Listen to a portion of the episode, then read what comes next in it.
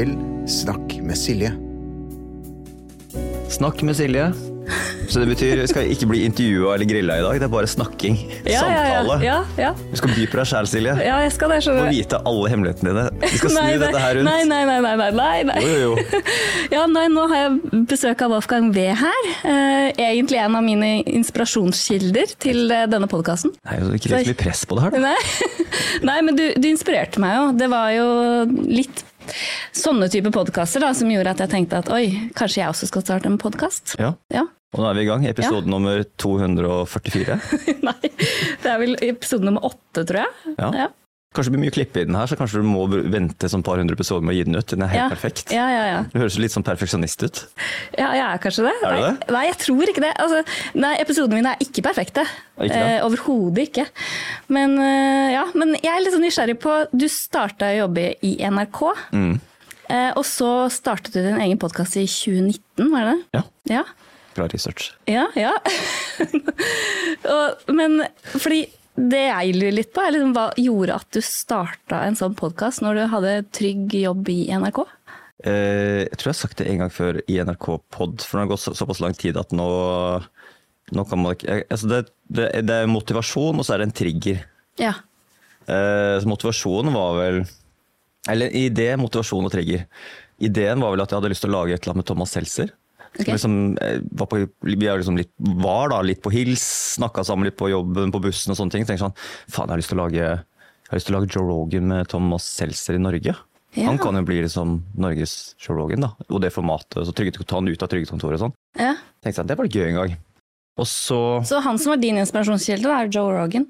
Ja, eller ikke personen, men formatet. Ja. Jeg ble sånn, eh, Hvordan kan jeg sitte og høre på Jeg likte jo ikke han i starten. Det er egentlig oppskriften i alt mitt liv, at jeg misliker de personene jeg har mislikt som mest, har ofte endt med å bli mine beste venner, eller, okay. eller sånne ting jeg hører på. da. Musikk også, alt mulig. Så, så det likte ikke han. Syntes han var litt sånn jeg syntes det var litt harry, litt teit, og han lo litt rart. og det var bare sånn, sånn eh, Ikke veldig meg, men så bare hører på flere og flere episoder, og så bare tok meg å like det så godt. Og jeg liker jo han, jeg liker jo han Joe Rogan selvfølgelig som person, er jo suveren type. Men øhm, det var formatet at jeg ble sittende og høre på i to-tre timer. så bare sånn, oi, Og uh, at de bare dro meg gjennom. Jeg hørte på fotballpodcaster, er noe som het Shivatse. Uh, så var en av de første liksom, lange norske podcaster, tror jeg. Jeg satt bare og hørte på de snakke sånn De snakket sånn snegletempo om fotball. Og jeg sånn, og jeg satt og hørte med liksom, to-tre timer. bare sånn, Hva skjer med dette her, da? Tenkte det, så det var jo sånn Der var det et eller annet formatet som jeg syntes var spennende. At liksom, det kunne snakke i to-tre timer, så hang jeg med på alt sammen. Og så var det noe greier i NRK, så ble sånn derre jeg ble sånn ah, Fy faen, altså det systemet er bare åh, jeg, jeg gidder vet du hva, Jeg bare starter opp den poden sjæl. Kjøpte jeg utstyr til 100 000, og så fant jeg et lokale på Fornebu, og så bare tenkte jeg hva er det jeg egentlig driver med her nå? Satt opp sånne tepper som du fine tepper du har her, og mye mindre lys og to kameraer, og så bare sånn prøvde å finne en teknikk som funka, og så satt og dilla med det i et par uker og testopptak og sånn, og så bare ja, får vi invitere en gjest og to, da, se hvordan det går. Og da gikk det jo til helvete. Jeg trodde det var så lett. Ja. ja, du tenkte at eh, nei, det går av seg selv når du først bare begynner å Ja, du er jo åpenbart naturtalent da, hvis det er episode liksom eh, seks eller sju eller sånt, men jeg satt jo bare sånn der jeg fikk, så, I det jeg trykka på rekk, så var det sånn der, jeg håpet at gjesten bare skulle bable. ikke? Ja, ja. Det er jo det som er digg. Det handler bare om starten og på vei inn, sånn som i gangen, skravle på vei inn i studio, få det til å bli varme, bare få det til å ikke stoppe å snakke. Men Hvis du stopper opp og bare sånn der blir formell og sånn, så, så stoppa det helt opp, og det gjorde det med alle de i starten. Så jeg bare sånn, faen, etterpå. Og så plutselig så de på meg bare sånn, ja, skal du ikke si noe? Eller bare sånn. Ja, jeg håpet de skulle skravle, og, så, og da ble jeg sittende bare Faen, skal jeg spørre om hva skal jeg si? For jeg, jeg, jeg, sånn, jeg skal ikke forberede meg eller ha spørsmål. Sånn. Alt skulle komme naturlig. Og så bare eh, altså, Alt bare gikk til helvete i starten. da. Men eh, det var veldig fint at eh, du, eh, du ville komme, da. For da, har, da kan jeg lære litt av deg. Hvordan du eh, Alle, har alle, alle fuckupsene mine. Ja, alt det du har lært. Fordi jeg synes jo, men jeg begynte jo ikke å høre på de første episodene. Jeg har jo hørt litt uti. Men jeg også syns det var fint med det formatet med at det var litt langt. da. Så Ja. det er, jeg syns det er ålreit at man går litt i dybden av ting, og at man blir ordentlig kjent med de som kommer. Mm. Altså en time Jeg får sånn turnoff av halvtimes podcast-episoder. Hvem er det som greier å komme i, som, å si noe som er fornuftig på en halvtime? Jeg bruker en halvtime bare på å komme i gang. Ikke sant? Ja, For du bare kjører på og har, begynner å ta opp med en gang folk kommer inn i rommet. I, nei, ikke helt. Det er litt sånn eh, Det er jo liksom ikke så veldig respektfullt å, å ta skjult opptak. Å ja, sånn ja. ja. Nei, så det da er må sånn man der- si det i forkant i hvert fall, at man er klar over det. Så sånn type at Ofte du spør sånn er vi, er vi på nå? Er vi på nå? Så, nei, nei, jeg har ikke begynt ennå. Men så eh, kan det være at liksom, vi begynner å snakke i en setning, da setter jeg bare på rekk kanskje vi snakker litt minutt om noe trivielt. Eh, og så sier jeg vi er i gang, forresten. Så er det sånn å ja, er vi i gang, ja? Ok, ja, ja. Ikke sant? Men det er ofte de kan si sånn ta vekk starten, fordi da snakka jeg om arbeidsgiver eller en venn eller hva faen det var for noe, en kjendis eller noe sånt. Så da vil de ta vekk det, da. Så det, men det er ikke noe stress. Så du må, så må du bare finne et sånt startpunkt som bare virker.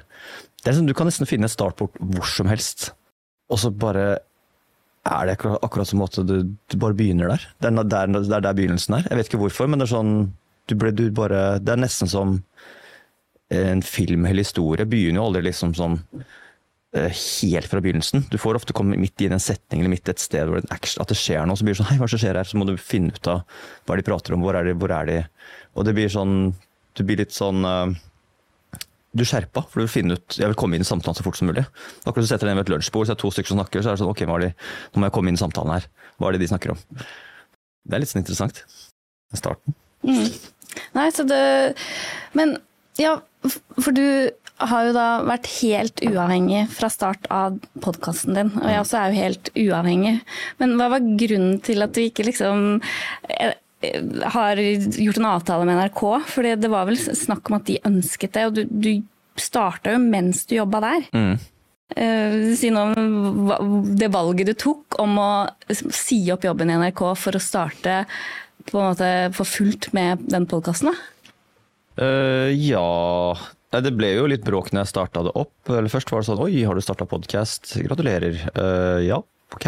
Og så var det, gikk det bare litt tid, og så det sånn liksom, Vi vet ikke helt om du kan lage podkast på si, forresten, fordi det står noe om det i ansattreglene og håndboka vår og bla, bla, bla. Og så sånn og jeg var jo litt forberedt på det, men det var en grunn til at jeg starta den utafor og ikke i NRK. For jeg tenkte sånn, jeg får ikke booke de gjestene jeg vil. Jeg kan ikke sitte og snakke i tre timer og drikke øl med gjester. Nei. Og banne og ta inn kontroversielle gjester. Så det, det kommer ikke til å skje i NRK. Så jeg tenkte jeg teste det ut utenfor, da. Privat uten liksom det var noe økonomi, penger. Eh, alt var hobby, ikke noe NRK-styr.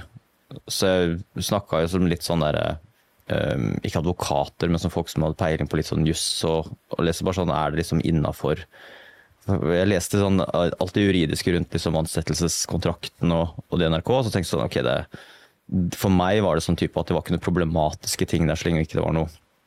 Eh, for det er, det liksom, det er en veldig interessant at man kan f.eks. ytre seg I NRK kan man ytre seg ganske fritt på sosiale medier, og sånt også, men du skal også, selv om du er privatperson, ytre deg sånn at du er NRK-ansatt. Eh, Så det er sånn For meg ble den ytringsbiten ganske viktig sånn i argumentasjonen med, med i alle de kranglene vi hadde. og sånt. For, sånn, for meg er det sånn Ok, kan jeg, kan jeg skrive lange tekster på Facebook hvor jeg mener ting, eller intervjue folk? Eller, og hvorfor kan jeg ikke gjøre det verbalt? Hvis jeg gjør det i et lydformat, er det problematisk? Sånn ytringsmessig. Men da var det sånn, kicka det et par andre ting inn. da. Sånn Nei, dette her kan kanskje være konkurranse med NRK. Oh, ja. Så jeg, det, liksom, det er ingen som sitter og gjør dette her i NRK. Altså, hvem er det som- og jeg, har, jeg hadde 50 lyttere i starten. 100 lyttere. Så det, derfor det der prosjektet kunne umulig være noen konkurranse for NRK. I hvert fall i mine øyne. da. Og det var jo sånn, det så de etter hvert. og Det, sånn typ, det jeg snakka om, det det handla om, var liksom ingenting i NRK som ligna liksom, tre timer med pisspreik. Så det, sånn, det konkurranseaspektet ble litt sånn De kunne bruke det sånn teoretisk. At sånn typ Ja, det kan være konkurranse med NRK, men det var ingenting som ligna i, i formatet. Eller, og det var YouTube, og det var liksom blanding av podkast, YouTube, litt sosiale medier. Altså. Masse sånn gråsoner, da. Um, og så kom covid, og da lot de liksom bare det fare. Eh, og så gjorde vi en avtale at hvis, uh, hvis jeg skulle fortsette med podkasten privat, så jeg, eh, kunne jeg ikke være på radioen samtidig. Det var sånn enda et sånt punkt. Det var så mange sånne punkter som bare var sånn der Dette er problematisk, dette er problematisk, dette er problematisk. Og så fant man liksom ut ett og ett punkt, og så var det en sånn derre Det er vanskelig å vite om du er om podkasten er NRK eller om du er på radio. Så vi må fjerne Enten må du slutte med podkasten, eller så må du slutte med alle radioprogrammene dine. Så det ikke blir sånn uh, konflikt uh, hvor, hvor du jobber. Så jeg er sånn, ok, men det er veldig tydelig å se at når det er en sånn hjemmelaget podkast på YouTube, uh, og det er ikke noe NRK-merking på det hele tatt, så ser du ganske forskjell fra radioprogrammet, da. Absolutt. Hvor du sier NRK i annenhver setning, og det er jingler og Ja, og det ligger jo på plattformen til NRK, mens dette her Ja. ligger ikke i noe av NRK-plattformer, så burde det ikke være noe problem. Men tror du det var da noe av innholdet ditt de hadde, som de kanskje da reagerte på, for at de ikke ville at det skulle assosieres med NRK? Det var jo sånn, Jeg gikk jo over streken et par ganger. Så det, da visste jeg på at dette her er, dette her er det, er det er så mange aspekter med den private podkasten som også inviterte over en artist, for da gikk det plutselig sånn at jeg drev og vurderte artister til spillelisten i NRK. Eh, Og så drakk jeg meg full med han ene EDM-artisten. På noen konjakk og fire timers pod og full rulle. Og da var det sånn, nei, det var ikke helt bra, for da, da kan ikke du vurdere han eh, i neste musikkmøte, for da er du inhabil. For sånn, Ja, sånn, ja, for da var du liksom kompis med han, da, men det kan man vel være, eh, Ja, så men så lenge det ikke er på TV? Altså, det er fullt lovlig tydeligvis å intervjue folk i NRK. Eh, altså det er sånn, hvis jeg hadde intervjua den personen i NRK uten alkohol, så hadde jeg fortsatt vurdere den personen på et sånt musikkmøte som vi hadde. da. Men i og med at jeg gjorde det privat, eh, og drakk litt konjakk, som man jo uansett gjør på altså alle disse her eh, kjedelige bransjefestene, så står jo alle kulturfolka, altså journalister, politikere, artister, eh, filmskuespillere, filmanmeldere, alle står liksom på de festene her og drikker sammen, og skravler om barn og unger og ligger sammen og holder på, ikke sant? Altså det, det er jo bare en saus, men bare for at det kommer liksom da tydelig at oi, han og han satt og drakk litt og snakka musikk og alt mulig slags piss. Så var det sånn, det var liksom problematisk da. Så det er sånn, jeg var sånn, eh, jeg skjønner hvis du har, når alle som er ledere i NRK, jobber jo for NRK. Og alle ledere i NRK er veldig veldig flinke ledere som skal passe på, passe på jobben sin veldig godt.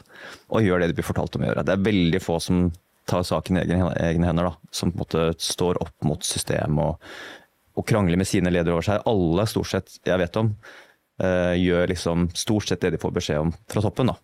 Veldig sånn pliktoppfyllende gjeng, da. Veldig pliktoppfyllende. for det er, sånn, det, er, det er veldig fint å jobbe i NRK. Det er veldig trygt, og det er veldig mange muligheter. Det er, sånn, det er mye lettere å krangle på et sted hvor du vet at det er én sjef, og så er det en gjeng under, og så på en måte det er ikke noe karrierestige. Det er noe sånn, Hvorfor skal du ikke krangle med sjefen for å få det best mulig på jobben? og Det er ikke noe, går ikke på av noe opprykk eller uh, sånn nødvendigvis, men NRK så er liksom så mange muligheter at det, som, det er litt den, hvis du stikker bare bøyer hodet ditt så er det sånn, så blir det din tur etter hvert. da. Det er jo litt sånn systemet, for folk går jo ut i permisjoner, sykdom, hele tida. Da.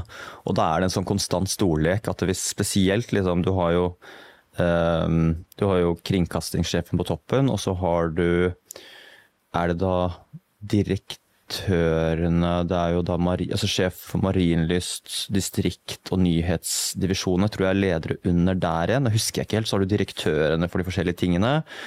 Og så har du da de forskjellige avdelingene. Nå er det mulig at jeg husker veldig dårlig disse nivåene, men så har du liksom Underholdningsavdelingen, du har P3, du har Super, Samfunn, alt det her.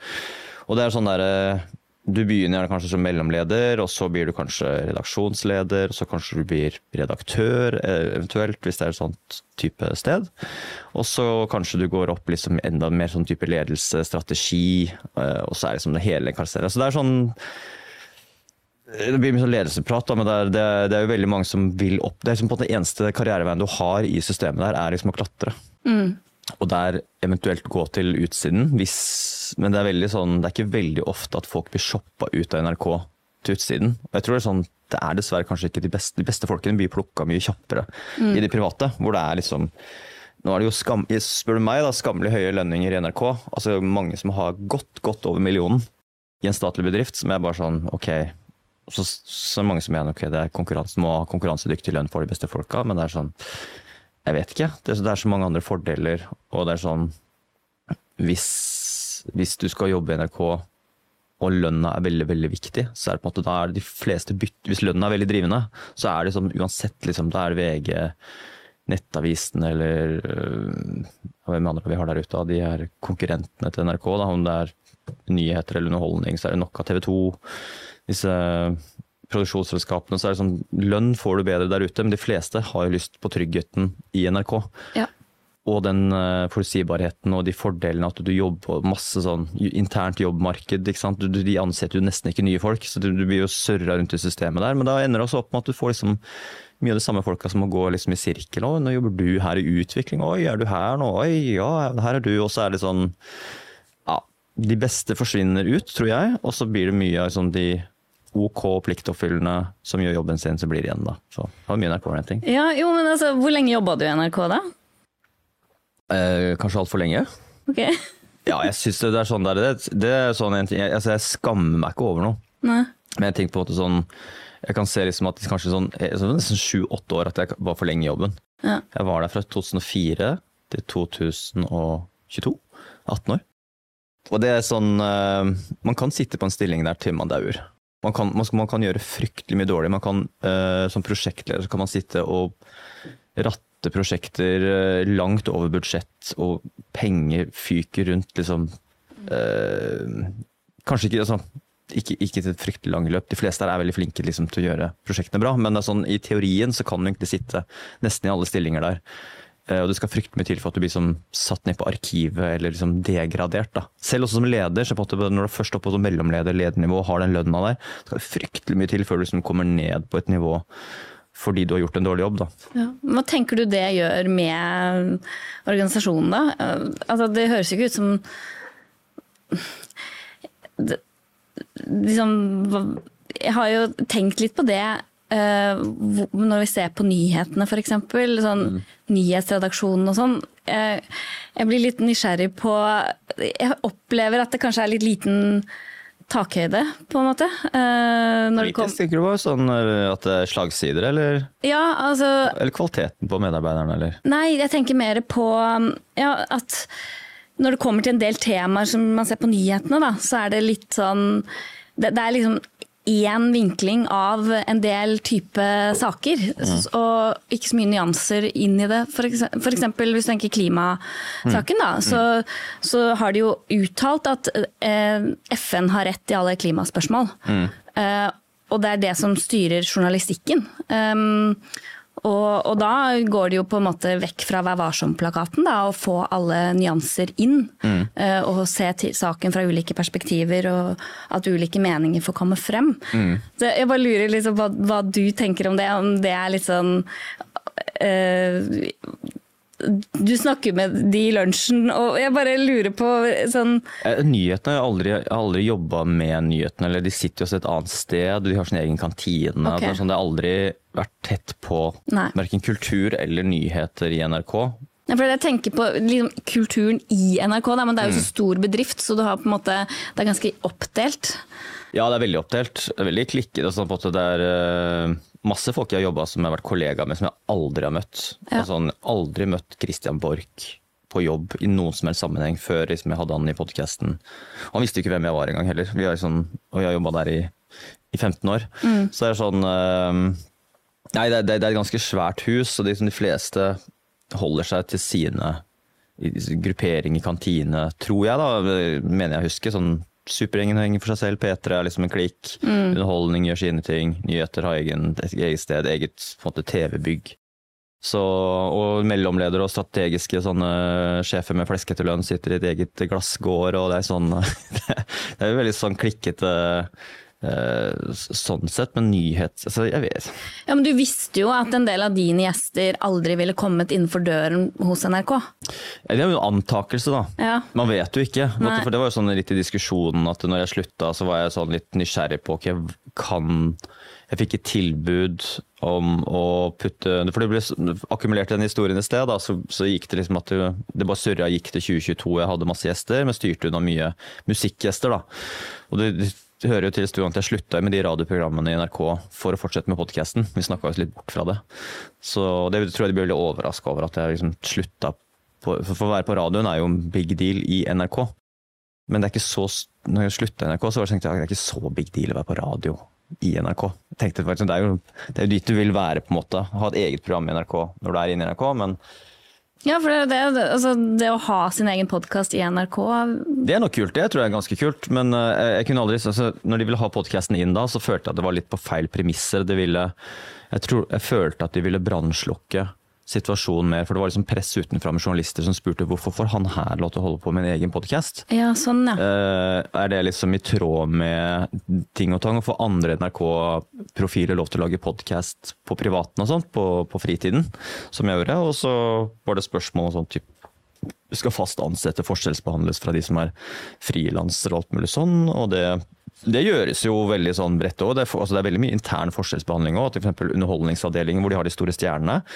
Underholdningsavdelingen er jo stedet hvor liksom de store, alt de store TV-profilene har vært. Altså underholdning, eh, humor, ser alt den type ting. Der, og der er, liksom, der er de voksne er, da. 30 til 60, da.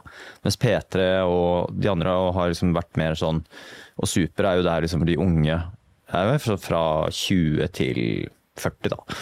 Som der er sånn underholdningsavdeling vi er kjent som der eh, et sted hvor liksom, de, For ikke miste de store stjernene, så får de liksom litt mer frie tøyler til å gjøre de bedriftsjobbene. Det er veldig rift om sånn eventjobber og kunne gjøre mest mulig ting ved siden av NRK. Fordi de Ja. begynner å tjene så mye penger. ikke sant? Så Ja. de, vil, de vil jo ha tryggheten av å jobbe i NRK, og så vil de også ha fordelen av å gjøre eventjobber og alt mulig sånt.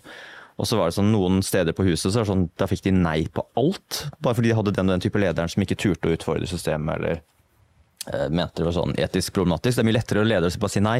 Så slipper du egentlig papirarbeid, du slipper å spørre oppover. du bare, Det bare forsvinner ut av lufta hvis du bare sier nei. Men hvis du ja, så må du først stå inne for det. Du må tenke gjennom det. Du må liksom kunne argumentere og legitimere. Liksom, på hvorfor skal de få lov til å gjøre den DNB-jobben? Er det etisk riktig? Masse, det koster masse tid og energi. Hvis du, hvis du er glad i dine ansatte, da, så gjør du jo den jobben. Ja. Det er det jo veldig mange som bare ikke gidder. fordi sånn der det er mye lettere å si nei, og så er det på en måte, da tråkker du ikke Hvis du sier nei, så gjør du ikke noe feil heller. Det, det kan det ikke skje noe som backfire på det. Så det er veldig veldig trygt å si nei. Og så sitter de ansatte der sure bare fy faen, vi fikk ikke gjøre den reisen eller den jobben fordi den her, de mente det var, var. Men de har jo gjort den jobben der i fjor, og de er jo også bare hva, hvorfor det? Og så blir det sånn masse surmuling og greier. Men det er sånn de, jeg tror de har eh, tøyd veldig opp i det at liksom profilen får gjøre veldig mye eh, i for eksempel andre TV-kanaler, reality-serier og sånt, var veldig strengt før. Kunne ikke dukke opp liksom i um, for eksempel, det var en som ble spurt om å være idoldommer når han jobba i P3. eh, og det fikk de, jeg tror han fikk nei på det. et eller annet sånt. Oi. Det er veldig veldig lenge siden, da. Men det er, eh, det er masse sånne ting. Men jeg tror de bare har skjønt at de må myke det opp for å ikke miste profilene. Men jeg tror profilene de stikker jo Ja. før de siden. noe. det er jo sunt, da, egentlig. sånn. Jo, for så vidt. Men du tror ikke det handla noe om de em, noen kontroversielle gjester du hadde hatt? da? At de, de liksom ikke ville Det med assosieres Nei, det var, det? det var ikke Nei? noe prat. Altså, for når vi hadde Nå snakker vi veldig mye rundt det, men det er jo Når den podkasten når det ble bråk utenfra, så fant vi ut ok, vi må gjøre den podkasten. Enten må han slutte, eller brukte alle ordet 'slutte', for du kan liksom da presser du meg ut. Ja, det er ikke lov. Nei, og det, det er sånn, det, det kan du fort bli advokat på og det er ikke sånn man så det var, det, altså, De jeg snakka med da, i min avdeling, skal sies, altså alle de lederne som var i, i P3 som tok diskusjon med meg, alle de var helt supre. Altså alle, Kjempefine samtaler og ikke noe sånn, ikke noe hardt press, tidsfrister eller noe bullying eller noe som helst ufint spill. Det var bare sånn, altså nesten sånn silkehansker sånn Hva er det du vil, Wolfgang? Hva syns du? Hva liker, vi liker podkasten så godt og bare åh, vi har bare lyst til å ønske deg det beste. Bare sånn, ja. Ja. Veldig, så bare, altså, det var liksom null liksom sånn Du er jo prisgitt hvem du sitter og snakker med, det kunne jo vært et rasshøl, liksom. Men det var bare, det var bare hyggelige samtaler, og så vet jeg på en måte hva forventninger de har overfor at de må løse dette her. Og det kommer litt med tilbud hvor liksom så og så mye lønn, eh, og så sitter jeg bare sånn ok, men hva gjør vi med YouTuben da? Det er jo blitt ganske stor. Nei, det må vi se på, du kan nok ikke ha den, det må du legge ned. Oh, ja. sånn, ah, YouTube må ligge ned YouTube, da. Det var dumt, den har jo gått ganske bra, da. Så ok, så podcasten, så hva med episodene, blir de NRK sine da, hvis jeg slutter NRK en dag? Ja, jeg tror kanskje det blir NRK sine, vi kanskje, du kan kanskje få de tilbake igjen, men det må vi se litt på sånt. Det var veldig mye vagt da. Uh, og så uh, var det litt sånn type, ja hva med gjester og sånn da? Kan jeg liksom invitere, ja det, altså det har vi stort takk, vi har veldig lyst liksom, på liksom mer kontrasjell sånn type Ja, okay. det er vi trenger det mer til menn, og der treffer du bra og sånn. Så det var sånn veldig, så jeg bare sånn, ja, men kan jeg drikke sprit da? Mm. Det er ikke viktig for meg å drikke sprit i en podcast, men bare sånn der prinsippet, så kan jeg gjøre det? Ja, For det går vel ikke i staten og sånn- ikke i arbeidstiden? Noen liksom at det, er sånn, nei, det sånn, en øl liksom, det er ikke nødvendigvis problematisk det heller da. Men så fikk jeg en sånn feeling at sånn der, ville de egentlig ha denne podcasten her? Eller var det mest for liksom bare, hvis vi bare får den podcasten inn i NRK nå, så har vi løst problemet. Eh, og da tenkte jeg sånn, kunne jeg lage podkasten. Dra inn til Marienlyst og så lage den der. Bruke studiotid. Være avhengig av en sånn produsent som kommer liksom på morgenen. og blir sånn et system da, så blir det sånn én episode i uka. Jeg, kunne, jeg har lyst til å spille inn alt fra null til fem episoder i uka. Ja, Sånn når det passer deg, liksom? Nettopp. Mm. Og så og bare ikke sitte og vente på studietid og kunne snakke skravle i evigheter og, og banne og bli full og si Ja, ting som er drøyt. Og... Jeg har ikke øl til deg her, dessverre. jeg har drukket mer enn nok i juni nå, så det, det, det, det, det trengs ikke. Ikke mye- klokka ni på morgenen. Det, det, den skolen der er ikke jeg. Nei, men det er jo noen som er det også. Har du drukket øl her noen gang da, med noen? Eh, Ikke i podkasten, nei. Nei. Du vet, altså Glass vin hvis du har kveldspådd, hvis du, gjesten bare kan altså, Bare prøv det. Det er veldig Ja, ja. avslappende. Gjesten Jo, jo, slapper jeg, veldig veldig av. men jeg, jeg er jo psykologspesialist og skal jo være litt seriøs, da, ikke sant? Men, eh, men, men jeg prøver jo Skal være litt seriøs.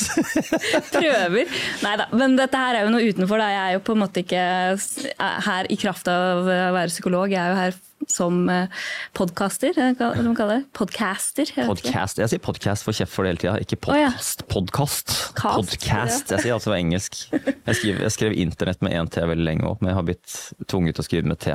Okay, okay. Sånn, eh, men jeg tenker sånn psykolog uh, Yrkespsykolog som tar et glass med klienten, det er, eh, det er nisje. Ja, det, det tror jeg ikke. Det det. er dere ikke helt innafor. Nei, det kanskje skulle, men kanskje det, kanskje det trengs, da. Ja, altså, det vil jo gjøre at uh, hvis man ja, så, så har, er nervøs og har et litt sånn forsvar, så, så um, kan jo det på en måte mykne opp stemningen litt og gjøre at, han, at det kanskje er mulig å åpne seg litt mer. Da. Mm. For det er jo de dype samtalene kan, er, de kan jo ofte bli dypere over et glass øh, vin eller øh, om de kan! Altså, om de kan! men, eh, men det er jo det som er litt interessant, for man bruker jo psykedelika i behandling eh, nettopp av den grunn. Da. Mm. Eller de forsker en del på det, fordi du fjerner på en måte litt av den beskyttelsen som beskytter deg selv mot dine egne følelser også, på en måte.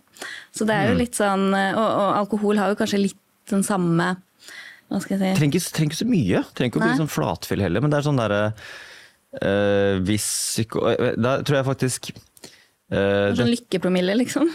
Jeg har et glass, et glass til promille. Men uh, uten å gå for langt ned i den problematikken der. Men, og de tingene. Nei, men uh, det er um, Altså, jeg kan se for meg sånn det, er- jeg tror det kunne vært altså Det er jo et eller annet å komme hit på et, gå opp en trapp, inn et rom, legge seg på en sofa. Så er det sånn, Du er klient, ikke sant? Så sitter en profesjonell og sånn som og jeg vet jo, snakka med nok psykologer, at de faller ut av samtaler og har sine egne problemer. og det er sånn, Hvor liksom tilstedeværelse er. Så for meg er tilstedeværelse at, uh, at man sitter i en på en måte en, faktisk en bar, hvor man sitter uten noe mellom seg. Jeg har også tenkt på Det med sånn, så vi, vi, dette her er jo litt sånn, det er Litt litt distanse mellom oss ja. med et bord. Jeg har jo også bord, da. Men sånn der, øh, i en sånn her sitting så funker det jo greit. Men så, på et utested så blir det alltid å sette meg på samme side som den jeg er ute med. Ja. Sånn at man sitter på samme benk. For det er mye lettere å snu seg til sida. Man kan ta på hverandre og liksom ha en sånn lettere konversasjon. og det er liksom, Man kommer litt nærmere hverandre. da. Og det samme med bar òg. Det er et eller annet med samtalen som flyter mye bedre når du sitter i en bar. Eh, jeg tror, hvis, hvis den nisjen der skal gjennomføres og Her kanskje jeg er litt gammeldags, men jeg tror ikke, jeg tror ikke på mann, kvinne, kvinne, mann-terapi. Eh, Fordi hvis du gjør det, så tar det ut med alkohol og en sånn eh, setting, så tror jeg liksom på at det er en fare for at det kan bli sparks. Og det er jo veldig sånn Du skal være veldig, veldig profesjonell.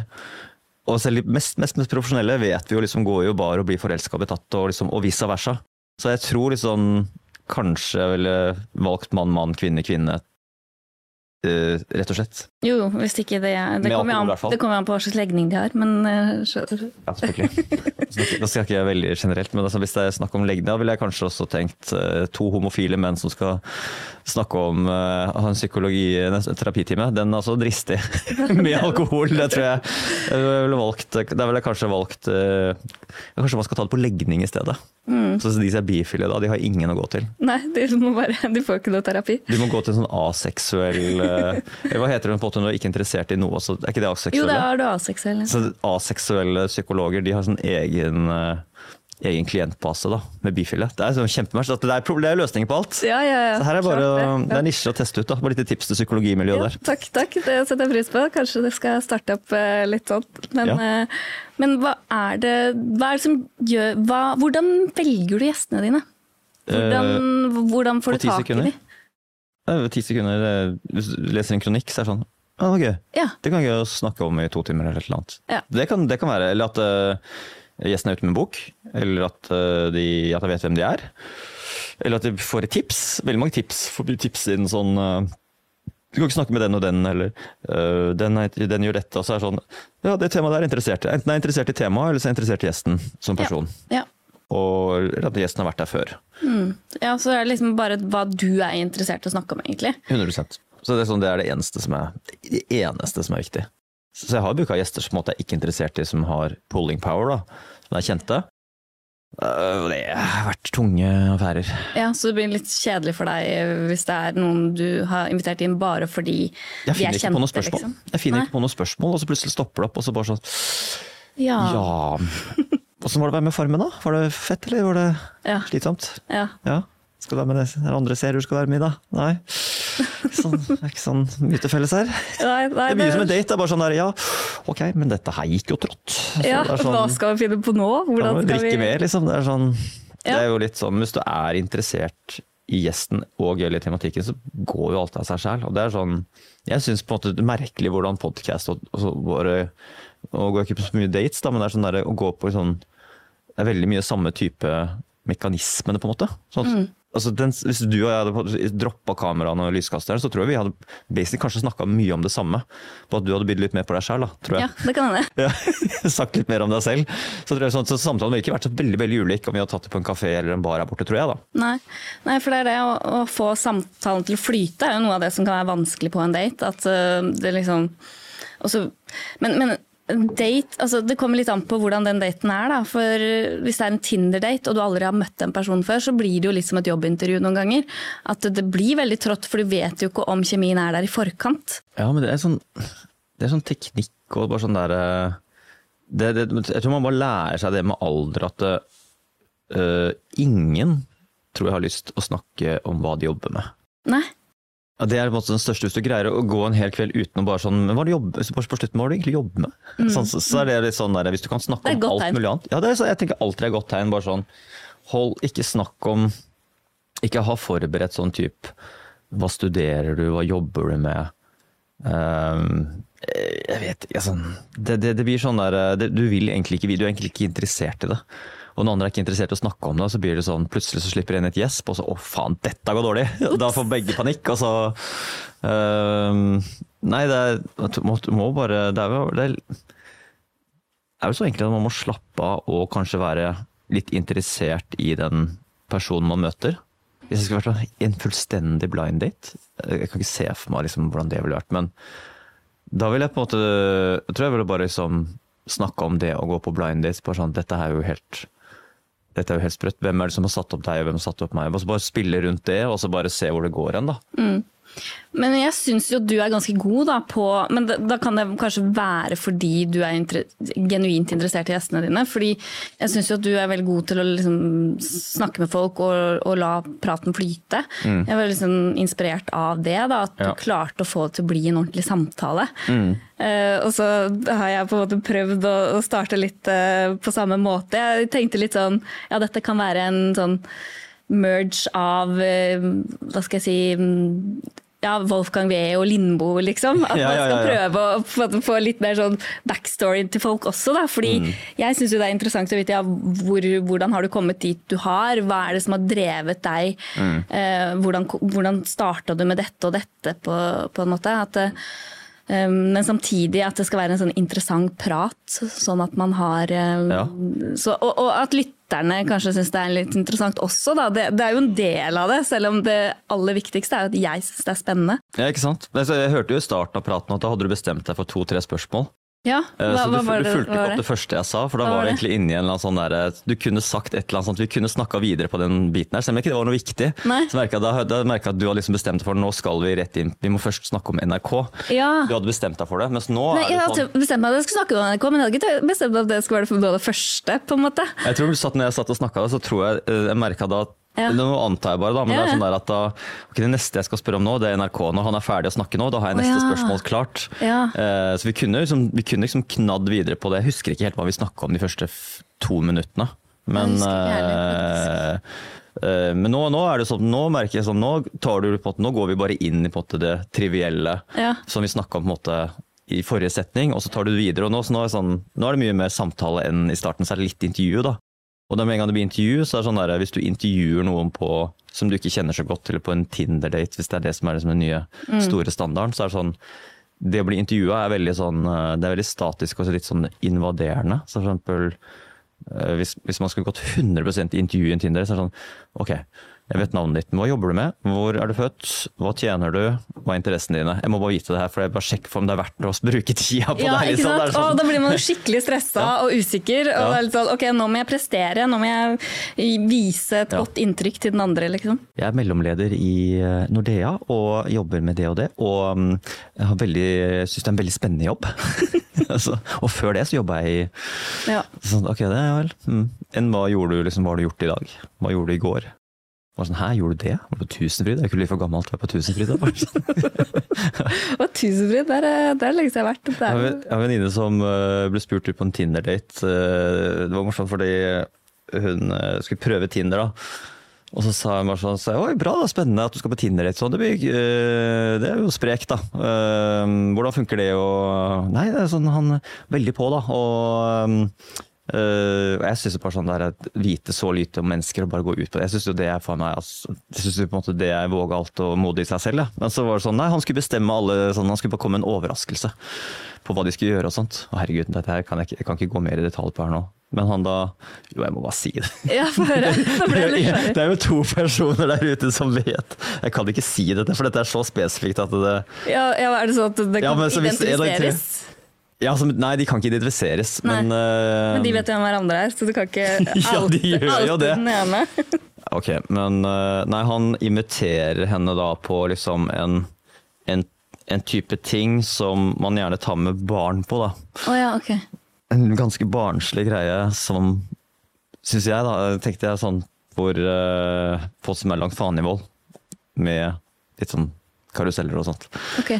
På første date, og det var sånn der, hun har sett for seg bare ta noen glass og bli bitte liksom, bitte litt bedre kjent. Ja. Og det var sånn full pupp, ut på attraksjon, bare vi Jeg skal ha syns det det gøy. hadde vært kjempegøy. Jeg, da. men, men jeg er jo litt sånn at bare, bare gjøre noe random eh, og, og faktisk gjøre noe sammen, og ikke bare sitte med å drikke. Fordi ja, det er er jo det man gjør på alle dates. Ja, det er det man gjør på alle dates. Men Jeg syns ja. det. Ja, jeg, jeg aner jo ikke. Altså, du, men du er, du er tydeligvis på mye Ja, dates, ja, da. ja, ja, ja, en del kanskje. Men Ja, eh, for her er jo sånn der, hvis, hvis noen kom til deg sånn derre um, eh, og sa til deg sånn Du, jeg skal komme med en overraskelse til hvor vi skal være hen. Så hadde du vært sånn, hadde du, da hadde du vært sånn Å, kult! Fett! Ja, ja. Det er sånn, å, endelig noen som har fått til noe spenning. ja, Så var det sånn Jeg skal ta deg med til Hundefossen.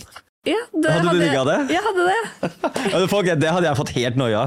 Fullstendig noia. Skal, Skal jeg tilbringe en dag med en dame der på et Hundefossen? Jeg vet faen ikke hvem det er. Så skal vi sånn Nei, det, ja? Da har du kanskje metta på bar og kafé, du da. Ja, altså det er, jo, det er jo gøy å prøve noe nytt, da. Ja. Uh, Jeg syns Det høres ut som du har vært på veldig mange dates. Nei, altså jeg har vært singel singel ganske lenge, så, så det, ja, jeg har vel det. I løpet av ganske mange år. Men nå føler vi, nå Ja, buda vi på her. Nei, nå, Nå krysser du armen også, så legg merke til Sånn. kroppsspråket her. Ja, nei, nå, nå, armene, nå er kommer han for nært. Nok om meg for meg. Jeg har vært singel i ti år og vil ikke snakke om det. Dette her handler ikke om meg, dette er om gjestene mine. Jeg nekter å, å snakke om meg selv og by på meg sjøl. Det er ikke en sånn type podkast. Hvordan var det i NRK, sa du? Ja, ikke sant? Nei, nei da. Men nei, jeg byr jo litt på meg sjøl, da. Men, eh, men det er jo litt mer interessant for meg å snakke om gjestene mine. Men psykologer er sånn der eh, Jeg har jo eh, en som heter Lars Deli. Kjenner du til han? Nei. Han har lagd psykologiserie med i podkasten nå, hvor vi snakker om altså, populær psykologi. Sånn PTSD, tiltrekkelse, datingkultur. Jeg har faktisk vært Eh. med i en episode om tilknytning og dating, og der er jeg ganske åpen om mine egne dating... eh, Det tror jeg du skulle si. Her, der er jeg god! Der er jeg god, tror jeg du skulle si. Ja, du nei, kan altså- god og åpen. Ja, jeg, god er jeg jo Altså, vet jeg ikke om jeg er, men, eh, men fortsett. Hva var det du Ja, det, er han, der, det var, og snakket vi på en måte, for I mine øyne så, på en måte, så er det jo sånn psykologer litt sånn farlig, fordi de vet hvordan de kan komme inn på og manipulere folk. og hva som, De får liksom vite hemmeligheten til folk veldig fort. og kan liksom, Det er derfor da, den der, eh, spesielt psykiatere og psykologer som, som får litt for mye Eller greier å få klienten til å bli forelska i dem, og til å bli sånn eh, Sopranos-aktig eh, tension.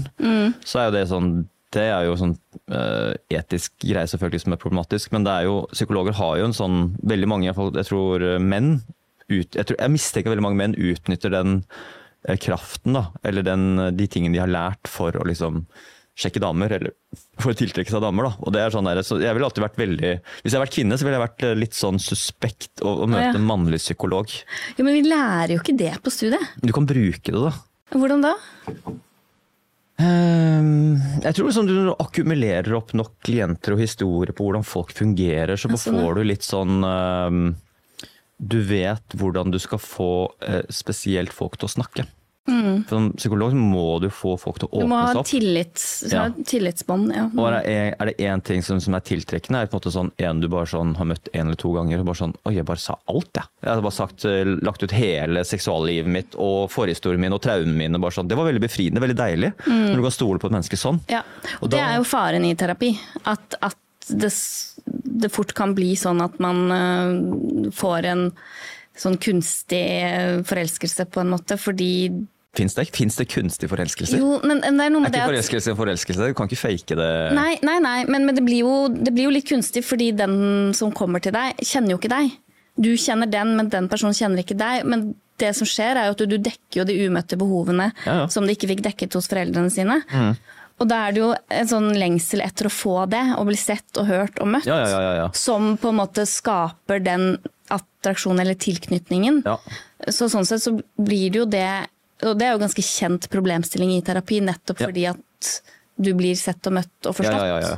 Og at da er det jo det som gjør det. Det er jo den tilknytningen som skaper den formen for forelskelse. Men du er jo ikke egentlig forelsket i den personen, du er jo mer eh, Det er mer den der følelsen av å Mm. bli anerkjent og møtt, som er jo en av de viktigste tingene i et forhold. Ja, ja, 100% Det, er sånn, det blir jo veldig asymmetrisk, da. Sånn at den ene eh, får åpner opp alt, den andre sitter og bare liksom, tar imot, og så blir det en asymmetrisk forelskelse. Men det er jo litt sånn derre Hvis du hadde hatt en eh, Hvor gammel er du? 35. 35. Ja. Så har du en sånn psykolog som er sånn 39, da. Mm. Som er bare sånn veldig, veldig flink, og veldig, veldig kjekk, og veldig, veldig singel. Psykologer, de kan jo de kan jo det, det her snakker vi om om hypnose. Han er sånn veldig opptatt av hypnose. Han prøvde å Ja. hypnotisere meg, da.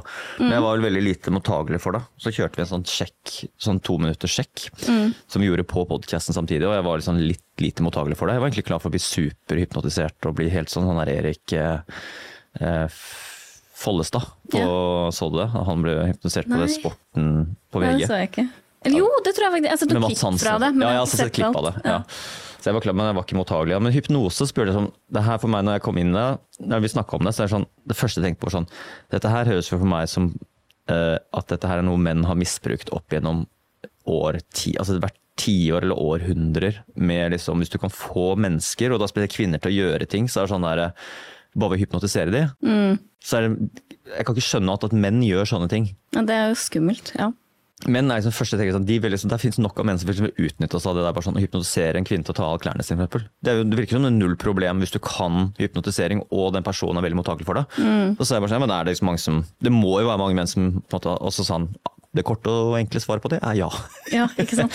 Og det er så bare sånn der, eh, Hørtes som en interessant eh, serie vi burde høre på. da. Ja, det er kjempegøy. Hvor mange episoder hadde med henne?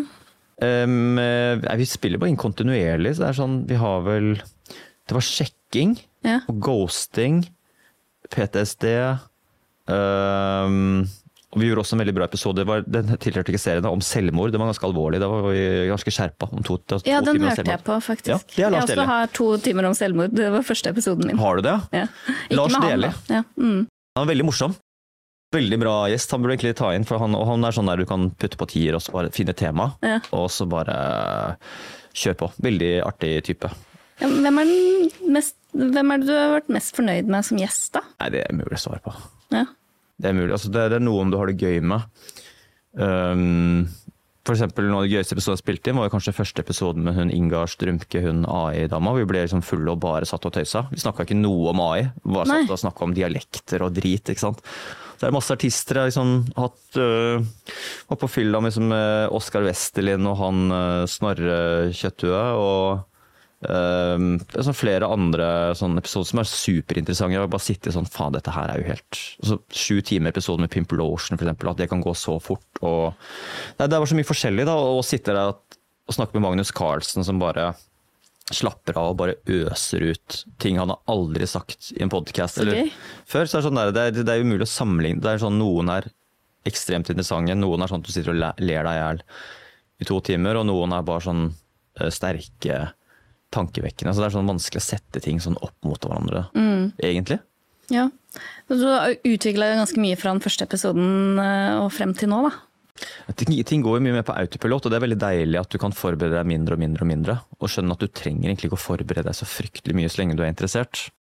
Med mindre er veldig sånn du skal gjennom historie eller tekniske ting, så er det greit å ha liksom ja, noen, noen, ting å falle tilbake på. da. Ja. Ja. Ja. men Det er litt det jeg tenkte på før du skulle komme. for jeg var litt sånn, Hvordan skal jeg forberede deg på intervjuet med Wolfgang Wie? Jeg har hørt en del av episodene og, og visste at du, jobba i NRK, liksom. Og jeg har jo tenkt mye på Jeg er veldig nysgjerrig på hvordan hvordan den kulturen og det miljøet der er. på en måte. Så Det var det eneste jeg eh, hadde NRK? bestemt meg for. Ja, ja, ja. ja. Så mm. dukker det opp som hundre andre ting, da. Ja, selvfølgelig. Ja. Men uh, ja, Nei, men uh, Du er, jeg... du er på Tinder, altså? ja. Men jeg hadde jo, jeg hadde jo en, eh, en NTNU-forsker som har forska på Tinder. Ja, hva het han igjen? Uh, Leif Kenner. Ok, nei, da var det ikke han jeg tenkte. Uh, veldig morsom type. Han, han, er ikke så ofte i Oslo, men han, han kan du få tak i. Det er også sånn psykologi møter forskning. Mm. Interessant. Tror du du hadde syntes personen vært veldig interessant? Altså. Ja. Jeg gjetter meg til, da. Han har jo forska på Tinder og datingkultur, og han konkluderer med at Tinder funker ikke.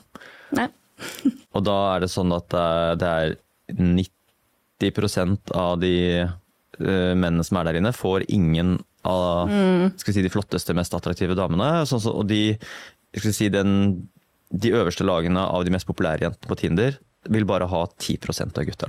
Mm. Det 10, altså, og det er, det er, en sånn enorm asymmetri hvor det er masse menn som i livet generelt ender opp med liksom ingenting, og så er det noen som får alle. Og mange av jentene vil ha de samme guttene Nesten alle jentene vil ha de samme guttene, som er veldig mm. få av de. Mm. Som er sikkert ganske høy prosentandel av de som bare er ikke interessert i en dritt og bare er rasshøl uansett. det, og det var sånn han funka med det han sa, da, at eh, hvis du er gutt uh, og har, drag, altså, har gode si, resultater på Tinder, uh, og mye matcher og mye dater og, og er veldig populær på Tinder, så er du også veldig populær på byen. Så, så, uansett om du har vært på Tinder, så hadde du uansett uh, greit å date damer ute, altså få dates på byen eller møte noen der, eller hva enn du på en måte er interessert i. Så hadde du på en måte, du, du hadde ikke, De populære guttene trenger ikke Tinder for å lykkes, uh, var liksom konklusjonen. Så sånn der, mens Tinder er jo da Selvfølgelig det er noen solskinnshistorier med folk som har møtt hverandre, og sånt også, så det er jo helt klart at det er jo potensielt mulig, men uh, ja, så det var det han funnet ut at liksom, det spiller ingen rolle for de som allerede er populære. De får og det samme type med jenter. og sånt, på en måte hvis, hvis, hvis de får det, får det, til på Tinder, er populært på Tinder, så er det det også i det virkelige liv. Så det er, sånn, det er bare en sånn forsterkende snarvei for Det er jo latskap. Det er jo sånn Det er en sorteringsprosess hvor du da egentlig Du unngår alt det smertefulle. Jeg har tenkt mye på det. at det, så, sånn der, Sånn det funker, er jo at du, du, unngår alt det smertefulle, skumle med livet. Med liksom gå opp til en person, tørre å snakke med dem, eller øh, invitere dem på noe, eller tørre å flørte. Du, du vil bare du vil liksom gjøre hele den prosessen der på den, sånn den safeste mulige måten. At du bare kan ha en chat, se på noen bilder, og så bare sortere, og så bare slippe å gjøre feil. da. Så alle ting skal være perfekt. Ja, men jeg føler det også er litt motsatt. Øh, fordi når du møter det virkelige liv, da, så har du allerede, har du allerede sett personen. Du har gjerne møtt dem eller i en eller annen setting mm. fått en eller annen magefølelse på uh, om dette er en du kunne fått kjemi med. Ja. Mens på Tinder så har du ikke peiling på om kjemien er der før du har møttes. Mm. Så du, du, du, gjør en bjørntjeneste også, da. ja, for ja. du, du, feiler jo gang på gang på gang. Fordi Ja, men du, du, bruker ekstremt mye tid, kaster bort ekstremt mye tid, fordi du vet ikke på forhånd om det er noen du ville fått noen kjemi med. Ja, på en måte, ja. mm. altså, jeg, jeg, får stort sett kjemi med de fleste, men det er jo forskjellig nivå av det òg. Ja, ja, jeg har det alltid hyggelig på date. Mm. Men likevel så er det jo litt sånn bortkasta når du på en måte kjenner ganske tidlig at ok, men det er ikke den type kjemi oss imellom, på en måte. Mm. Og så og så får du kanskje ikke den før det har gått en stund, hvis du blir kjent med noen først, og så finner du ut at ah, så hyggelig du er, Mm. der jeg har lyst til å gå på datene. Mm. Så er jo inngangsporten en helt annen. Du går inn med en helt annen forventning til Mm. den daten enn hvis det er en eller annen helt random som du aldri har møtt før. Så Ja. blir det jo litt sånn kleint i starten, og du ja, kaster bort mye tid, og så får du mye flere avvisninger. Hele tiden. Fordi det, det var ikke den kjemien likevel. på en måte. Og det, det vil du ikke få på samme måte i det virkelige liv. Og det er akkurat like, mye, like smertefullt å bli avvist ved at noen ikke svarer deg Ja. på den appen. Spesielt etter at man kanskje har møttes. ja. eh, enn hvis noen hadde gjort det i det virkelige liv. Det ville ikke skjedd i det virkelige liv. Men, men den følelsen du får, er akkurat den samme som om noen faktisk ignorerer deg i det virkelige liv. Da. Så, så sånn sett så, så får du egentlig ganske mye flere vonde og negative følelser, på en måte. Ja, kanskje med sånn i, i etterkant, da. Sånn post-daten, at det er sånn der eh, eh, Den avvisningen og liksom det For jeg tenker det, det som jeg tenker på med det smertefulle, er, liksom- eller det skumle, er jo den avvisningen før. Spesielt for gutter, da. Eh, hvis du er på et uteliv eller på en fest eller i sosialt lag, så er den, der, den avvisning sånn by opp til dans og få nei. Altså, den er så vond hvis du ikke er vant med å få nei. Ja. Og det som er sånn paradokset er jo at de guttene som på en måte er flinkest til å liksom, møte og snakke med jenter, er jo de som blir avvist mest. Mens de som ikke er så komfortable og trygge på det, de blir jo aldri avvist, for de prøver aldri. De tør ikke. Eh, Og det er sånn, er det noen som liksom opplever avvisninger, så er jo disse her storsjekkerne igjen, som bare gir fullstendig faen. ja. Kan sånn, ikke sånn, bare for å dra et tall opp, at du kan snakke med ti forskjellige damer på en kveld og bli avvist av alle. Så sånn, ja ja, ok, det kommer en ny helg og en ny dag, liksom. også så på en måte, det, De har vært gjennom det så mange ganger at det, det spiller ingen rolle. Det er sånn, fordi, Hva, hva slags type er du da i dating? Altså, du, jeg vet Jeg- at du ikke er singel nå, men, men hvordan var du, liksom? Altså, jeg, har ikke, altså, jeg har ikke vært singel siden jeg var 22. Nei, ok. Så for meg var det sånn, da, altså når jeg var Så du bare 22... observerer alt fra sidelinjen på en måte, og analyserer eh, ja. Altså det, ja, ja, ja, så det er, sånn, det er jo nok av liksom, venner, men nå er de fleste liksom, venner er jo satt med barn og alt mulig sånt også, men det er jo nok av liksom, gjester som, som snakker om Tinder, kultur og alt mulig Ja. sånt òg. Så det er jo veldig interessant, fordi det, de greiene der eksisterte jo ikke da jeg var på byen, og da snakker vi i 2001 til 2004. ja. Da var det jo knapt mobiltelefoner. Ja. Altså Da var det mobiltelefon uten liksom eh, smart, altså det var ikke smarttelefoner. Altså det var jo bare Det du måtte sørge for, er bare å ikke fucke opp det nummeret, telefonnummeret, og så kunne du sende melding. Ja. Det var den eneste på en måte Hvis ikke du fikk det, så så du aldri personen igjen. Det var ikke noe face, Facebook kom jo i 2006, 2007.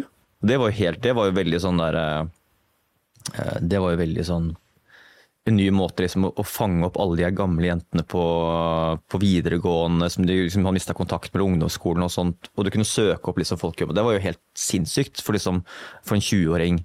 Eh, liksom skulle, for du, hadde liksom, du måtte ikke ut for å møte noen, du kunne liksom ja. chatte Og så kunne du stalke dem, liksom. Du kunne stalke og stå på, liksom. Kommer det mer, så det mer og mer sosiale medier liksom, med bildetjenester at du kan søke opp folk. Så nå er det sånn Nå er det sånn at hvis eh, Altså bare sånn Venninnen din eller en date av deg kan liksom gå og luske og ståke og finne ut hvem har du vært med før, hvem er det du følger, hvem har du chatter med. Altså det er nesten sånn der, De kan finne ut så mye om deg hvis de har lyst til det.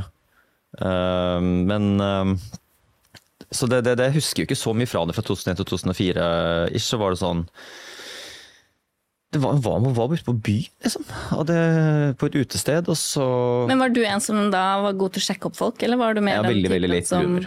Hæ? Jeg var veldig veldig late bloomer. Jeg var veldig, okay. veldig seint ute med liksom alt. Ja. Så jeg, jeg skjønte ikke hvordan noen ting fungerte før kanskje jeg var jeg vil si faktisk 21. ja, ok. 22. Og det var da du møtte kona di? Eh, nei, da møtte første kjæreste møtte jeg i 2004. Ok. Eh, så det var eh, to forhold på ja, hva blir det? da? Nesten 20 år. Så mm, Nei, det var eh, på hva jeg gjorde da. Det husker jeg. Det var vel bare som man alltid har gjort. da. Ja, ja. Det var ekstremt mye fyll. da. Jeg husker det var sånn ekstremt mye fyll da, sånn i begynnelsen av 20-årene. Og man hadde en helse som gjorde at man liksom kom unna Man med det. tålte det. Ja, så jævlig òg. Men øhm, Nei, det var liksom på en måte ikke noe hjelp i teknologien da.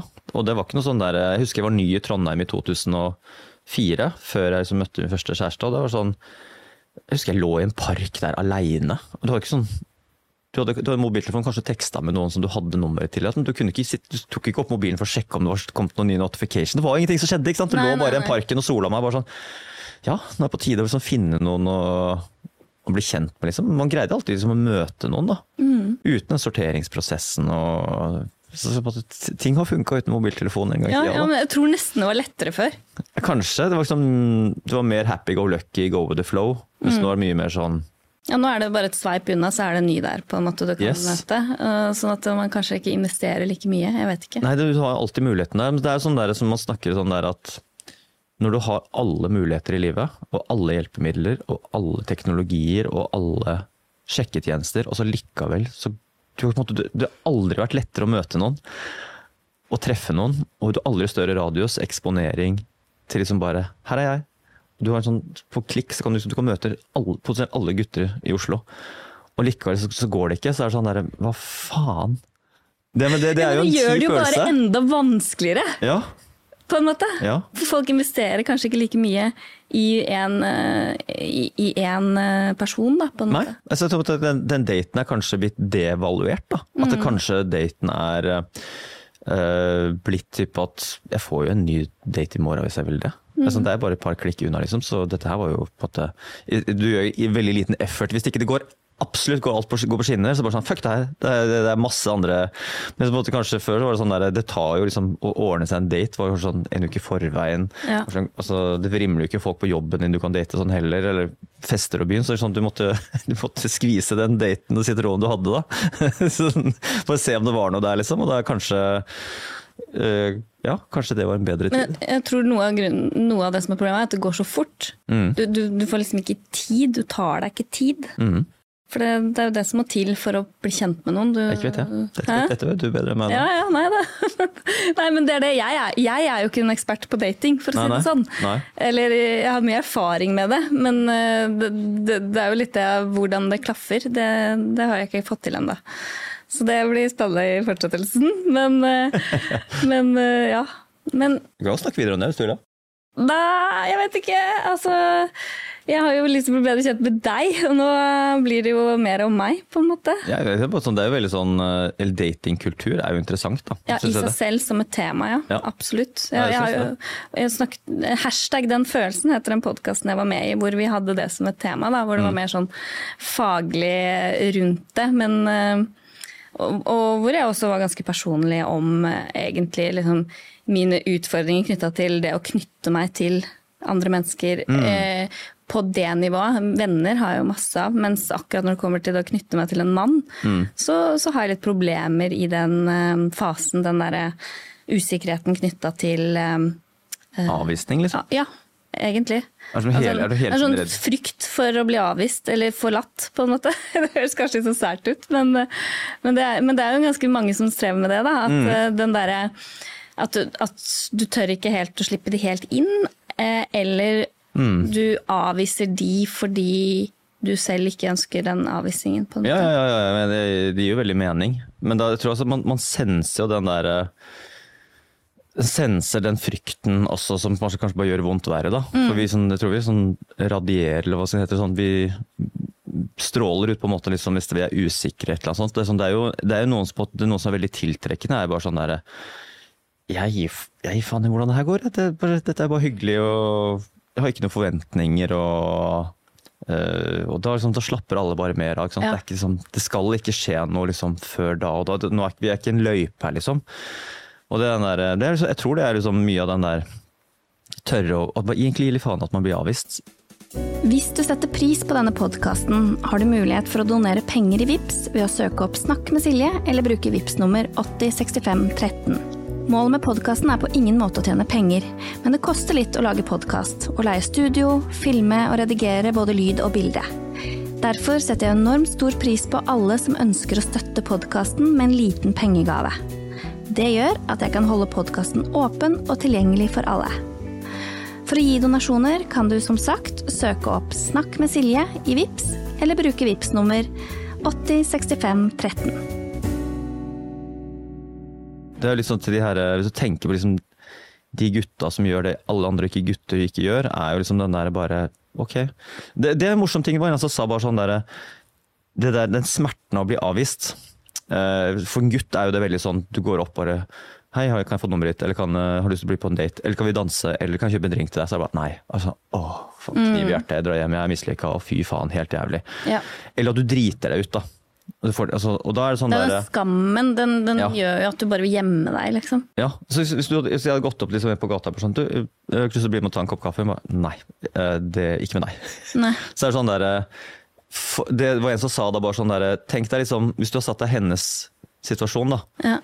Eh, Det er ingen andre i verden som vet om dette her. Og selv om på en måte noen hadde sett det, Ja. så er det sånn der, hun har sannsynligvis glemt det om kanskje ett eller to minutter. Så har hun glemt hele den greia der. Hun har glemt deg, og hun er ferdig med det, altså, det er ikke noe sånn, det er ikke noe større big deal. Så det er egentlig bare deg selv som går rundt og bare kjenner på faen, det var skam. og litt sånn. Så den andre personen gir jo helt faen. altså Du blir jo glemt med en gang. Og det er ute av verden med en gang. Og det er sånn så litt sånn, Hvis man greier å senke den der kostnaden av å bli avvist bare sånn der, Vet du hva, det, det var jo ikke noe big deal. Altså, hun, han har glemt meg allerede, og jeg, bare, hvis jeg glemmer det like fort, så er det sånn ok. Til slutt så er det sånn der, jo flere ganger man på en måte blir avvist, jo mindre vondt gjør det jo. Ja, nei, men det, det er jeg ikke enig i. Eh, Men det kommer litt an på hvordan den avvisningen er.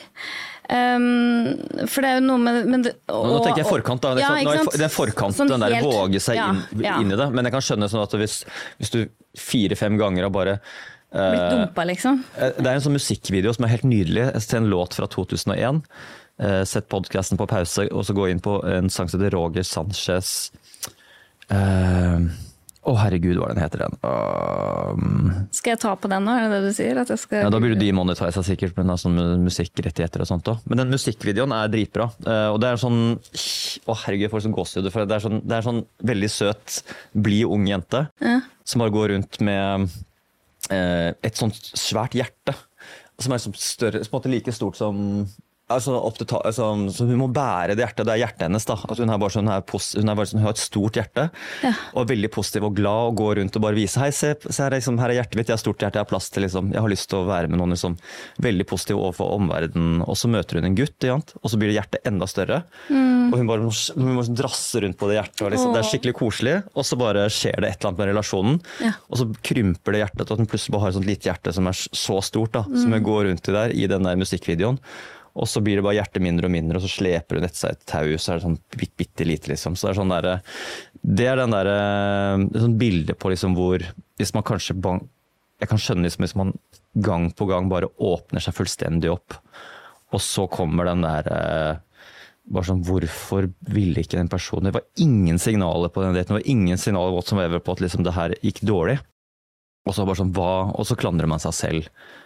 Og det er vel, den, det er vel der kanskje tingen er at man tar det personlig, fordi at det er jo den andre som har et eller annet som i seg som på en måte ikke er interessert i det du har. da. Ja. Og da tar man på en måte sånn hvorfor Det er litt sånn der, en sånn ting som jeg har øvd mye på. sånn der, hvis, hvis noen sier noe stygt til meg, da, og ikke ta det personlig Og det gjelder kanskje litt sånn type hvis noen avviser deg, så er det på en måte det er ikke noe i deg eller noe med deg nødvendigvis som er gærent, men det er noe med den andre personen som da um, har noe i sitt liv, sin historie, bare som person, bare reagerer på den måten de gjør. da. Så hvis noen kaller deg si podkasten din er dårlig, veldig kjedelig og liksom finne noe annet å gjøre, så er det sånn hvis du tar deg nær av det, så er jo du veldig usikker på om dette her er bra. Hvis du, hvis du visste at hvis du visste på at Ja. dette er gøy, dette, dette er bra, og dette syns jeg er jævlig kult, så vil jo den meningen der bare prelle av deg.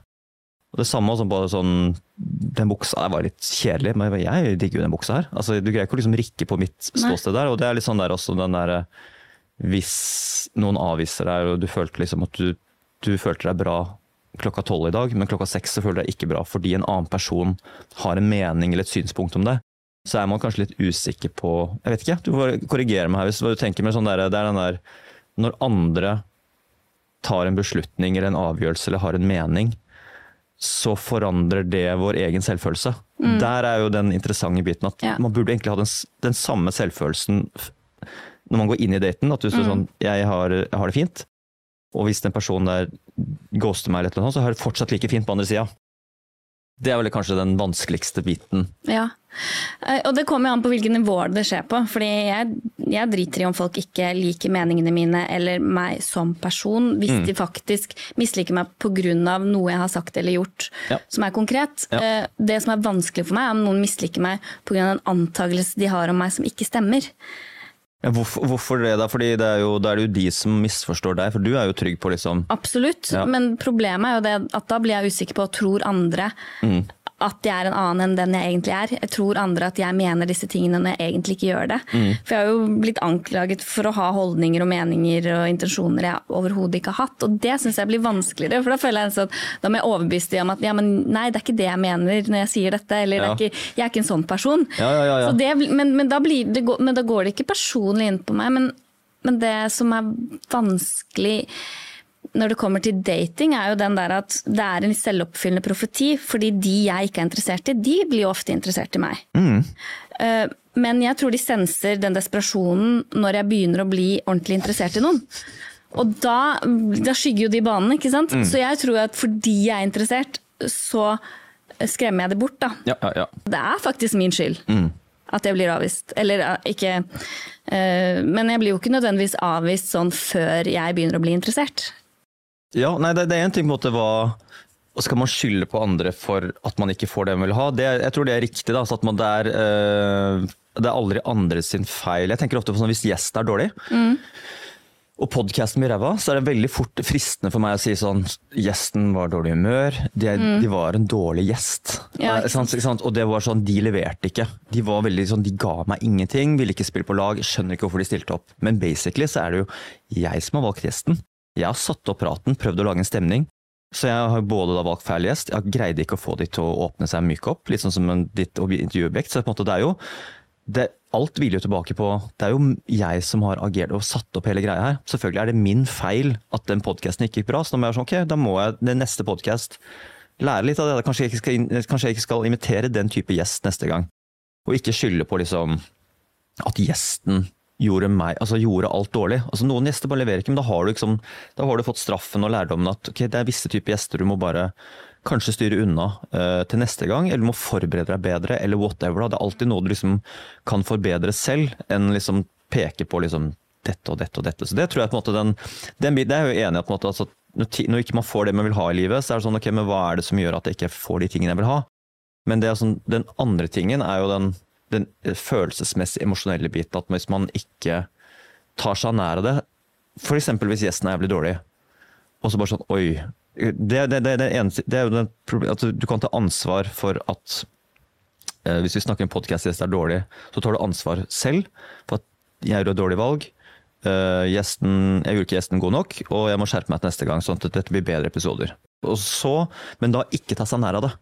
Ikke ta seg sånn Ikke si sånn at Å, herregud, hva er det med meg som på en måte At den gjesten ikke likte, er det noe med meg som person? Er det liksom noe på en måte sånn derre at man, altså, at man tar det inn over seg følelsesmessig. Det er der tror jeg at man kanskje, Hvis man greier å skille det, at måte, ok, jeg må bare finne ut hvilke ting er det jeg må fikse, og hva, måte, hvordan kan jeg liksom bli mer emosjonelt robust. da. Det tror jeg kanskje, det er kanskje en, Nå nærmer vi oss en fasit her. Men har du, du, har, har du vært litt gjennom den prosessen selv, da? Når det kommer til dine podkastgjester og sånn? Ja, 100%, Det var jo et Ja. reelt eksempel. Ikke sant? Jeg, bare, jeg vet ikke om det er kompatibelt eller sammenlignbart med, med kjærlighetsverden, men det er jo litt sånn derre Du har lært mye på veien ved å bli mindre Hvis man vil ha noe i verden. Men Ja, sånn, det er sånn hvis man har noe i verden, sånn, hvis, hvis man da øh, Hvis vi tar øh, Sofie 22, som gang på gang liksom bare blir forelska, og så kan så, hun bare sånn Hva er det med meg, liksom, som gjør at som guttene bare stikker én etter én? Så er det sånn, ok eh, Skal hun på en måte ta det veldig personlig indignert og bli lei seg og bare liksom prøve å finne ut av det, eller skal man sånn, ok, skal vi fikse problemene? Hva er, det, hva er det kanskje jeg gjør da? Det er sånn, Blir jeg for ivrig? Sender jeg for mange meldinger? Eh, skal jeg lære meg liksom på en måte Kanskje jeg skal liksom rote, Må det være kommunikasjon hele tiden? Skal jeg kanskje slutte med å sende Hvorfor, hvorfor har du ikke svart meg? Og begynne å bli innpåsliten sånn. Det er masse ting bare sånn at man kan gå i seg selv på sånn der eh, Når man blir for ivrig og forelska, så gjør man mye dumme ting. Og så, sånn, så tror jeg man lærer litt av det også, Ja. sakte, men sikkert. Uh, Men problemet mitt er at jeg, jeg vet det, ikke sant? men så styrer følelsene mine. Hvis Kan være, du, har- kan være du har blindsoner måte, liksom, Ja, ja, som er at du, kanskje man er for snill. Altså sånn, eller er for liksom sånn uh, For eksempel bare um, si ja Altså at man bare er redd for At man er kanskje er konfliktsky. Mm. At man ikke tør å si ifra bare sånn der eh, Nei, skal vi kjøpe to drinker til, eller skal vi shotte litt? Og bare sånn, og så bare sånn Ja, ja, ja, jeg har ikke, jeg har ikke lyst til å ødelegge en god stemning. Jeg bare sånn, vet du hva, jeg skal ikke ha mer shots nå. Da blir jeg dritings, og jeg skal på jobb klokka åtte i morgen. Det kommer ikke til å skje noe i kveld. Og du kan bare drite i liksom prøve å skjenke meg, men jeg syns det her er jævlig hyggelig. Ja. Og sånn, det er jo den der eh, Hvis man blir litt sånn der eh, Oi, nå er det meget elegant uh, vannservering. ja. Oi. ja, du hadde jo glass, da. Så Jeg har Og du har vann i kopp, du, ja. I alkohol.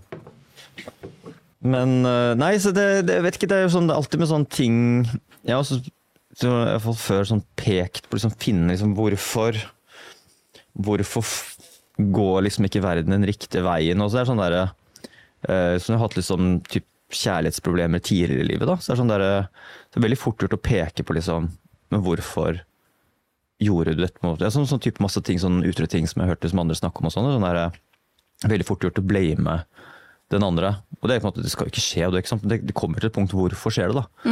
Og det er sånn, hva Har du selv spilt en rolle i at ting har skjedd, at de kjipe tingene har skjedd? Så det er så alltid liksom å fraskrive seg sånn type um, at alle andre på en måte, det er noe gærent med de og ikke seg selv. så det er sånn, det, er alltid noe man kan fikse. sånn, Spesielt som mann type er det sånn Eh, Hvordan, hvordan oppfatter folk der ute? da? Er du på en måte dønn alvorlig og tørr? For eksempel, snakker du veldig mye om jobb? Eh, Er du, er du morsom? Liker folk å henge rundt deg? Får de liksom en god energi å henge rundt deg?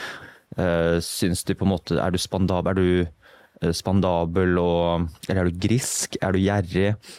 Masse sånne ting som man går i seg selv på sånn Ok, men kanskje, kanskje jeg skal fikse disse tingene her? Kanskje det er sånn Hva er det på en måte som Hvis jeg ser meg selv utenfra, bare sånn Hva er det jeg for eksempel kan bli veldig kverulant. da. Jeg kan bli kjip og kverulant når jeg drikker litt og skal krangle litt. og sånt, og Det, er sånn, det blir sjelden noe godt ut av det. Jeg syns det er litt gøy, men det blir aldri liksom et positivt utfall å være kverulant og, og kjip. ikke sant?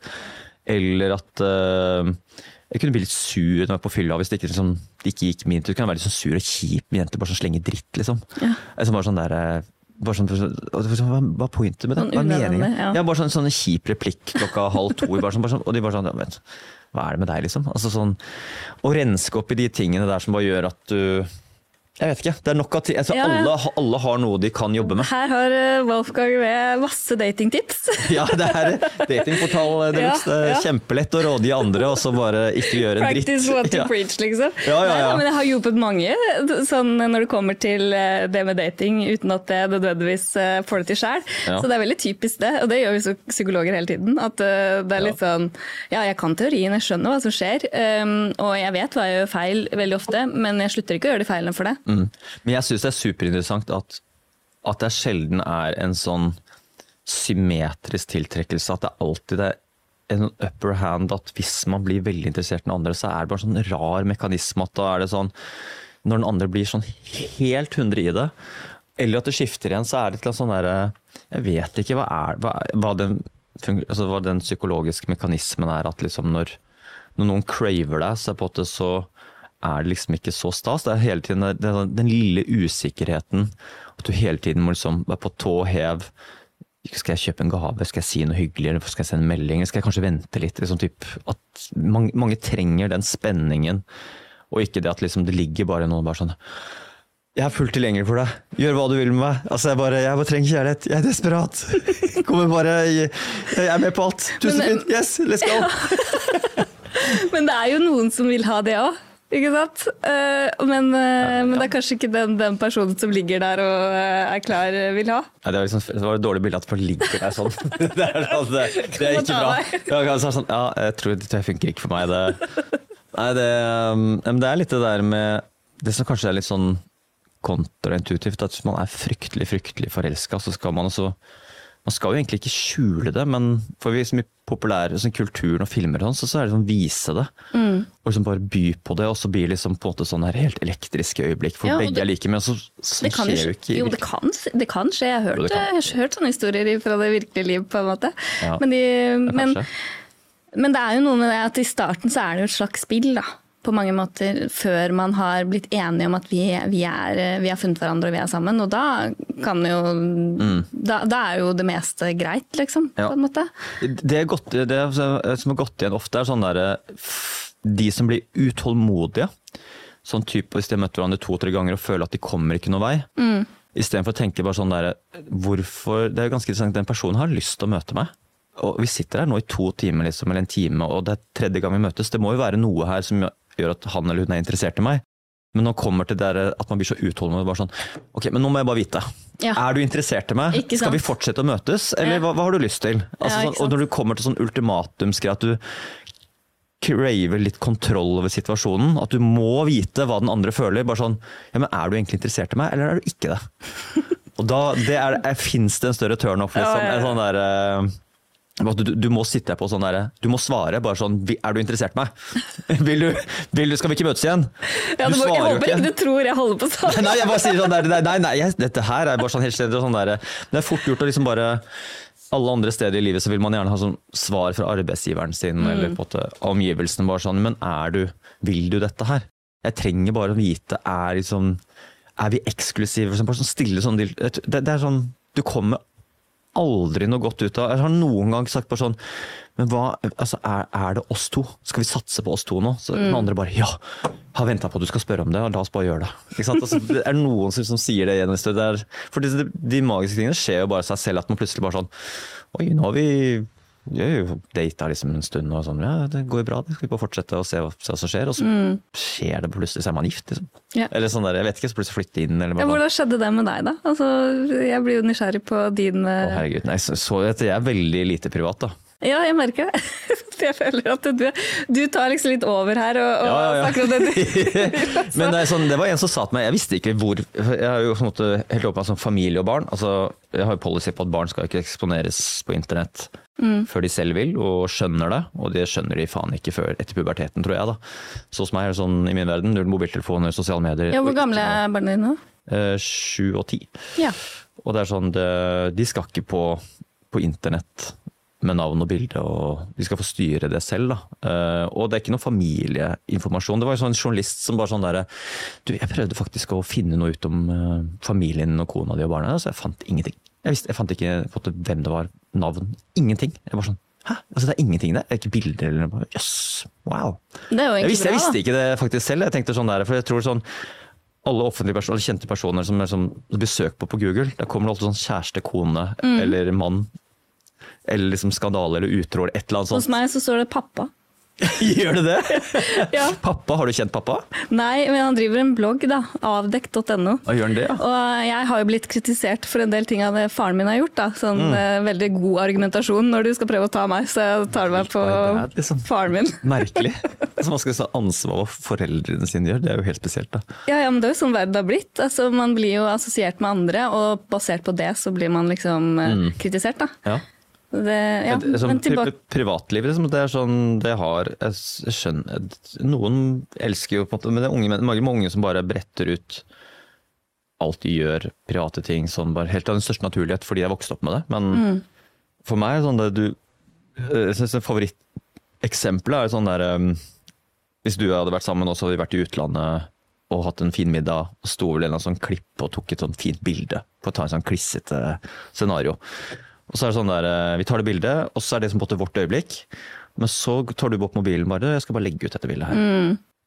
Så er det sånn, det er jo, og så er det, Intensjonen er jo sånn, det er en fin ting. Du har lyst til å dele øyeblikket. Du har lyst til å vise andre, bare se hvor glad vi er i hverandre. og sånt. Men sånn, for meg er det da bare sånn der, er det ikke nok er det ikke nok for deg at du og jeg er her, og at ingen andre vet om det, og at det er bare oss to som vet om det, og dette her er liksom på den lille bobla vi er i nå, er ikke det nok for deg? Er ikke det nok glede for deg i dette øyeblikket her, enn at du må ha energi å, dele med andre?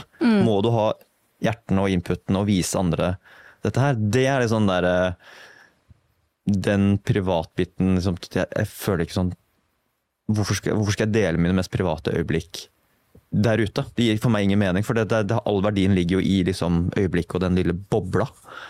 Og det er sånn, men der er folk veldig forskjellige. Da. Noen er bare sånn knipse bilder av alt de gjør på en ferietur og kjendiser. Men det er mange som lever av det, liksom, og er vant med å gjøre det og tenker ikke på det.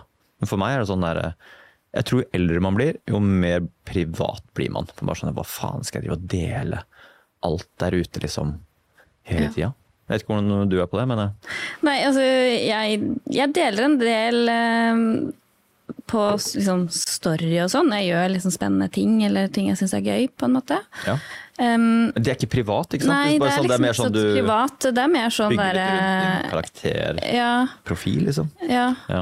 Men um, Nei, altså Instagramen min, det er ikke veldig mye bilder der eh, på den private. Men jeg har jo masse reels og sånn på den, eh, hva skal jeg si, den offentlige. ja, ja, ja. Men, men det er jo det. Det er jo andre ting du deler med hele, helt offentlig, enn det du deler med dine venner. Mm. Eh, Jeg har ikke noe sånn, deler ikke masse personlig offentlig. ja nei, nei. Men, men jeg, altså jeg kunne sikkert delt litt mer, men så er det noe med det at Jeg tenker jo det at det er jo litt sånn Jeg må tenke litt over hva pasientene mine trenger. Altså, øhm, jeg, jeg er jo veldig personlig i, i behandling med mine pasienter. Jeg, jeg, jeg er ganske sånn autentisk. Har ikke noe sånn Men personlig sånn at du deler fra deg selv, liksom? Eller Nei, ikke hvis ikke jeg tenker at det um, er noe um, At det er relevant, Mm. på en måte. Det, det, er sånn Selvavsløring skal ikke være sånn fordi jeg har behov for det. Det skal være fordi jeg tenker at dette kan hjelpe den som er hos meg, da, å vite dette om meg. Mm. Ja. Um, men ikke fordi jeg tenker at uh, den personen er interessert i å vite altså, det. Det, det man har jo et bevisst forhold til hva man deler og ikke, da. Mm. Men, men det er jo litt dumt om alle vet alt om mitt privatliv eh, som Det var gøy med det, da. Liksom, sånn. Ja, det, det syns jeg er jo sånn der eh, Hva Det når du blir din egen merkevare. Det er litt sånn Du kan ikke trekke deg tilbake fra det. Det tar veldig lang tid å gjøre det, da. Trekke seg tilbake fra det. Fordi du, du er liksom litt sånn Din popularitet er basert på at du gir veldig mye av privatlivet hele tida. Og hvis du plutselig slutter med det, så er det sånn der Oi, hva annet har jeg å by på? Og da blir det sånn shit, jeg må tilbake til å bare by på meg selv. Istedenfor å by på noe du skaper, da. Det er på en måte, der er jo sånn det, jeg får jo sånn, der, så kommer sånn, ja Wolfgang, du er jo også jævlig eksponeringskåt. ikke sant? Du bare videoer og podcast, filmer deg sjæl og så, ja, men, jeg, Men det er jo ikke privat, det du legger Nei, ut. altså, jeg, det er jo sånn jeg, jeg, jeg, søker eksponering på ting i lys av ting jeg lager eller jeg syns på en måte bør ut der. da. Mm. Selv om jeg lager podkasten for meg selv. Det er jo et selvutviklingsprosjekt på sett og vis. Jeg skal bli smartere, da. Mm. Men jeg filmer det jo og vil jo ha eksponering på det, men jeg vil ikke ha eksponering på meg som person. Derfor jeg sånn hater scenene, prisutdelinger, veldig sånn at du er der i en måte, Du er ikke der i kraft av liksom, noe du At det er ikke ting eller produktet ditt som er først, det er deg som person, liksom. Det, det orker ikke liksom, oppmerksomhet på meg som person. Nei. Det er sentrum på en sånn begivenhet, eller sånn, det verste jeg veit. Ja, så du er alt, har du alltid vært litt sånn, på en måte? At Jeg du ikke liker Jeg- jeg- jeg den der... derre Jeg tror jeg var sånn, når jeg var i begynnelsen av 20-årene, så var jeg, da ville jeg på TV. Jeg tror jeg var Ja. veldig mange sånne der, som, på en måte, jeg ville bli programleder på Topp 20, for eksempel. Ja. Det var sånn der, eh, jeg var jo mer sånn programlederjakt for å bli programleder på Topp 20. Mm. Så du har liksom alltid higa etter det, da? Nei, ikke alltid, men var, da var det sånn, jeg ville jobbe i media og jeg syntes det var gøy å være foran skjermen og TV-en, og så fikk jeg bare helt fnatt av det. Oh, ja. Endte opp å sitte i radio og studio og syntes det var mye diggere. Mm. Men så er det sånn, jeg syns ikke det er sånn komfortabelt foran kamera nå heller, men jeg glemmer det litt. Liksom. Så det her syns jeg var veldig avslappende. Men å bli tatt bilder av, f.eks. Jeg Mm. Ja. snakker i kamera. Det er sånn, ah, må jeg? Ok. Må jeg det? Da det bare sånn, jeg blir så selvbevisst, liksom. Det er ikke, det det er ikke, jeg er egentlig ikke noe komfortabel med det i det hele tatt. Nei. Men da du var liten, da, jeg si, du var, du var i 20-årene og du begynte å tenke at nå har jeg jeg- lyst til å komme litt i rampelyset, eller Jeg var hadde det før det? videokamera helt siden jeg var tolv år. Ja. Ja. Mamma og pappa hadde brukte liksom 20 000 kroner i, på 80-tallet, ganske mye. Oi.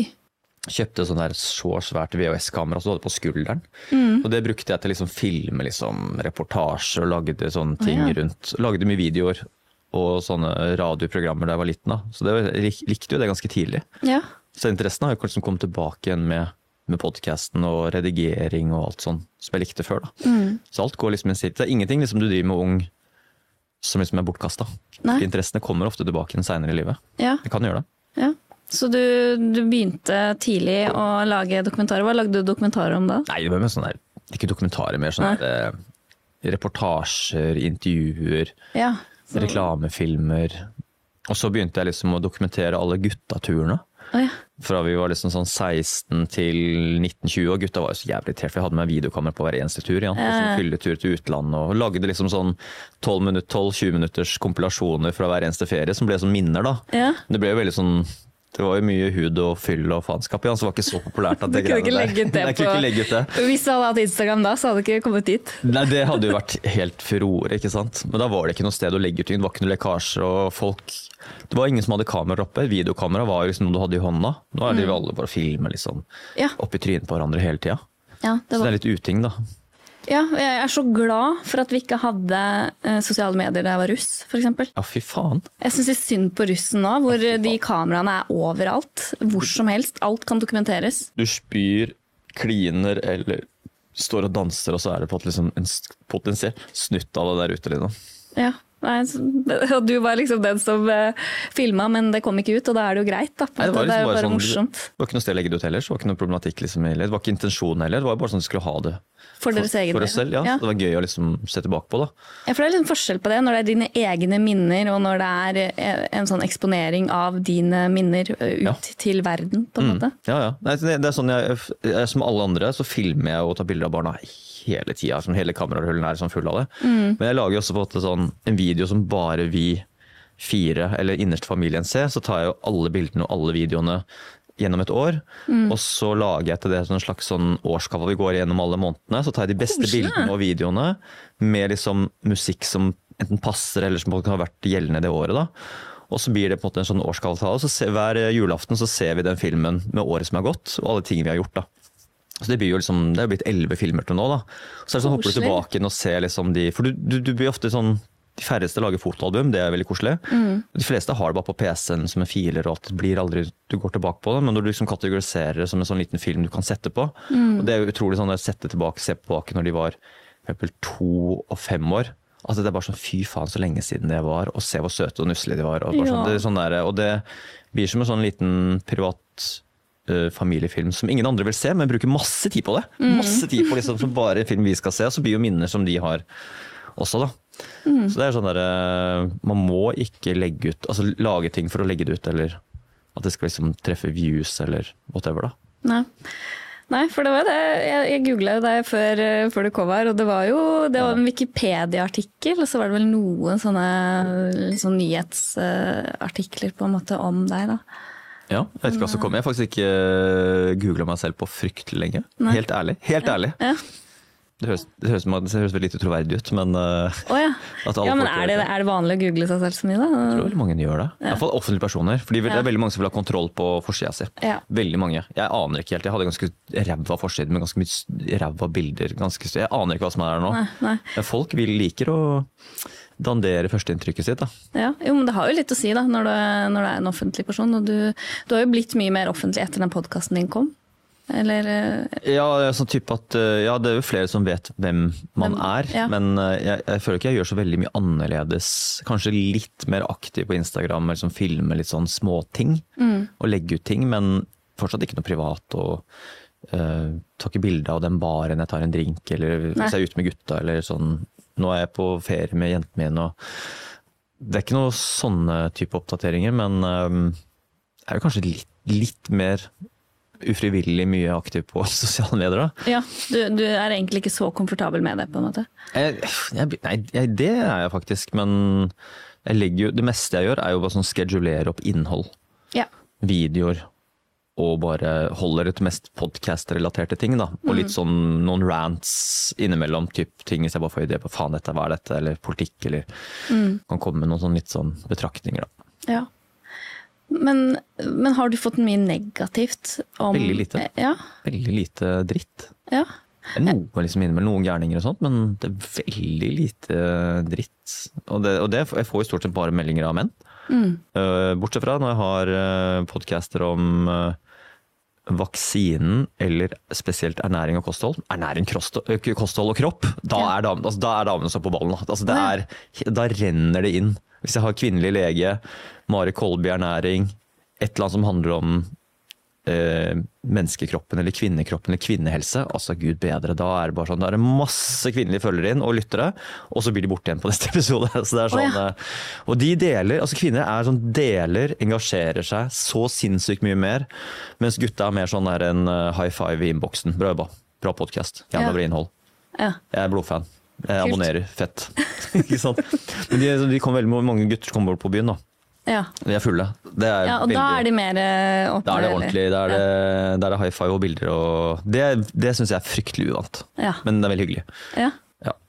Ja, nei, jeg har, ikke, jeg har ikke lest så mye negativt. Jeg husker det var en gang du, du var liksom satt litt sånn Både du og Danby ble liksom kritisert for å være Ja, ja, ja. Veldig- Han, han sletta jo den tweeten etterpå, han, Ja. han redaktøren. Ja. Jeg vet ikke på en måte om det var skrevet i et rødvinsglass, eller på en måte om det var bare ren skjær. Jeg vet ikke, men det er sånn der, jeg får ikke med meg så veldig mye Nei. sånne ting. Og så på en måte var det noe så, så ofte sånn Det høres jo arrogant ut med sånne der kronikker. Så bare sånn, ja, 'Skal du ikke svare på, eller har du lest den kronikken i Klassekampen hvor de nevner det?' Bare sånn, Oi, jeg har ikke fått med meg. Nei. Nei, jeg leser veldig lite norske aviser. Eh, og leser egentlig veldig lite aviser, sånn blar gjennom, for jeg syns det er så mye støy og unyttig informasjon. da. Men det er sånn eh, om å bli name-droppa, så, så det er veldig Jeg syns det er deilig å bare at ting bare skjer der ute og flyter forbi. Altså liksom, hvis du også er trygg på den podkasten her og alt du snakker og mener om, så er det sånn, da kan egentlig hva som helst skje der ute. Jeg driter litt i det. Og jeg tror som du har gjort i hvert fall flere hundre episoder, så er det sånn hvis noen prøver, prøver å misforstå meg, eller prøver å få meg til, så er det, som, det er så mye materiale der ute som bare overskygger det. Ehm, sånn at jeg, om på en måte noe prøver å trekke ut av sin sammenheng eller fremstille meg som et eller annet, så er det på en måte det er så mye bevismateriale på hva jeg egentlig står for der ute, at jeg bekymrer meg fryktelig lite over det. da. Og det bare drukner liksom veldig fort i alt mulig annet. og det, ja, det, det, det er sånn Når du får veldig volum, så, sånn, så gir du mer og mer faen, og da er det ikke så mye som kan ta det. Det er liksom ikke så veldig mye som kan kansellere, tror jeg. Nei. Nei, jeg håper at jeg kommer dit, at jeg slipper å bekymre meg for det. på en måte. Jeg gjør du det? Bekymrer deg liksom for liksom Du sa jo det i sted at det sånn du At folk kan tillegge deg meninger og, og synspunkter som du ikke har, f.eks. Men det er jo sånn Det er jo en av det her på en måte hvis du ignorerer det. Hvis du tillater deg selv å ignorere det, men hvis, hvis, hvis, det, hvis det slås opp så stort i forhold til um, hvor stor podkasten er, eller hvor stor du er, eller hvor stort liksom, volum du har, så er det kanskje et behov for å forsvare seg veldig sterke anklager. da. Men det er litt sånn der hvis man gang på gang sånn der, Hvis noen hadde kalt meg for eksempel rasist på TikTok eller et eller annet sånt piss, og jeg går inn bare sånn Hei, hei, jeg er ikke, ras jeg, jeg, først, jeg er ikke rasist. Jeg har masse utlendingvenner og er veldig respektert i utenlandske altså, Nei, ikke utenlandske, men innvandrere Nå må jeg bare passe på hva jeg sier her. Innvandrere, ikke sant. Sånn, bare sånn, hva er det med han der, liksom, det er et eller annet som skurrer her. Han er veldig opptatt på å vise at han er har liksom innvandrervenner og sånt. Da, det, det, Det blir sært, ja, ja. ikke sant? Istedenfor bare sånn derre Ok, men jeg kjenner meg ikke igjen i det, jeg tar meg ikke nær av det.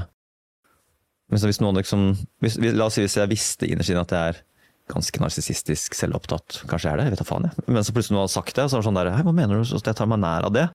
Så er det jo en usikkerhet jeg har inni meg på at, at kanskje jeg er litt selvopptatt Ja, narsissist. Og så var det noen som bare pirka litt borti det. Eller bare sånn du bruker litt mye sminke, Wolfgang. Du er veldig opptatt av utseendet ditt. Det det er vel ikke?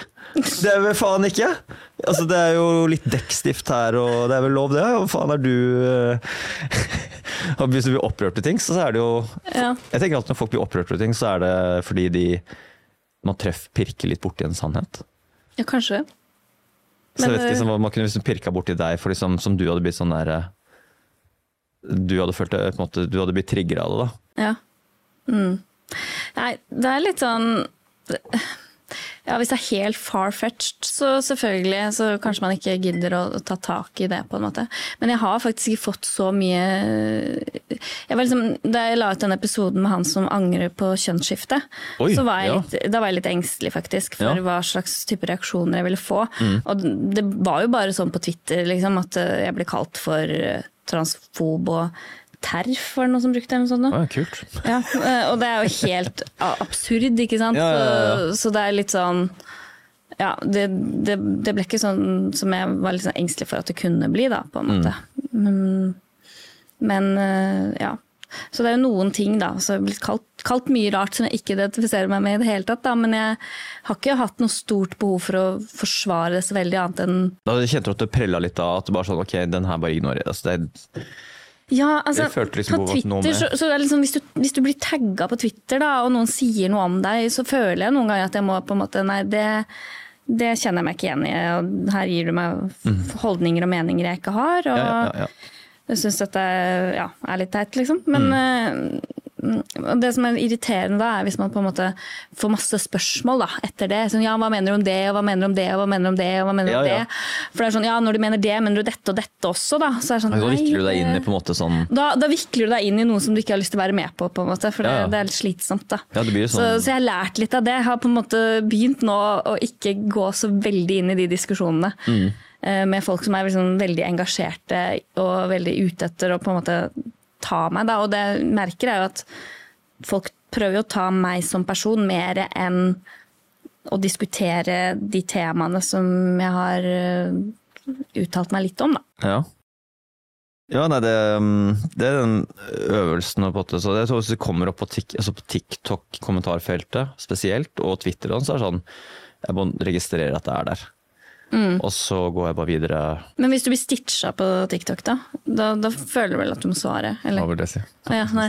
Det, det er når noen øh, ja, Nå høres jeg litt yngre det, det, det er, fordi jeg er liksom med på det der. Men, men på TikTok så, så kan du ta en Hvis no, du legger ut en film, Ja.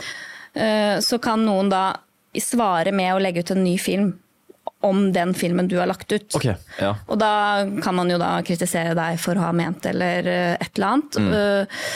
Og da er det jo naturlig at man da gir et svar til det. da. Ja. Det, det blir som en kommentar, bare at det er en video som svarer. måte. ja. Det blir for meg bare sånn en, Det blir som en Noen har en mening, også, sånn Ja. Så ok, de har meningen. Den, det er en mening, og Ja.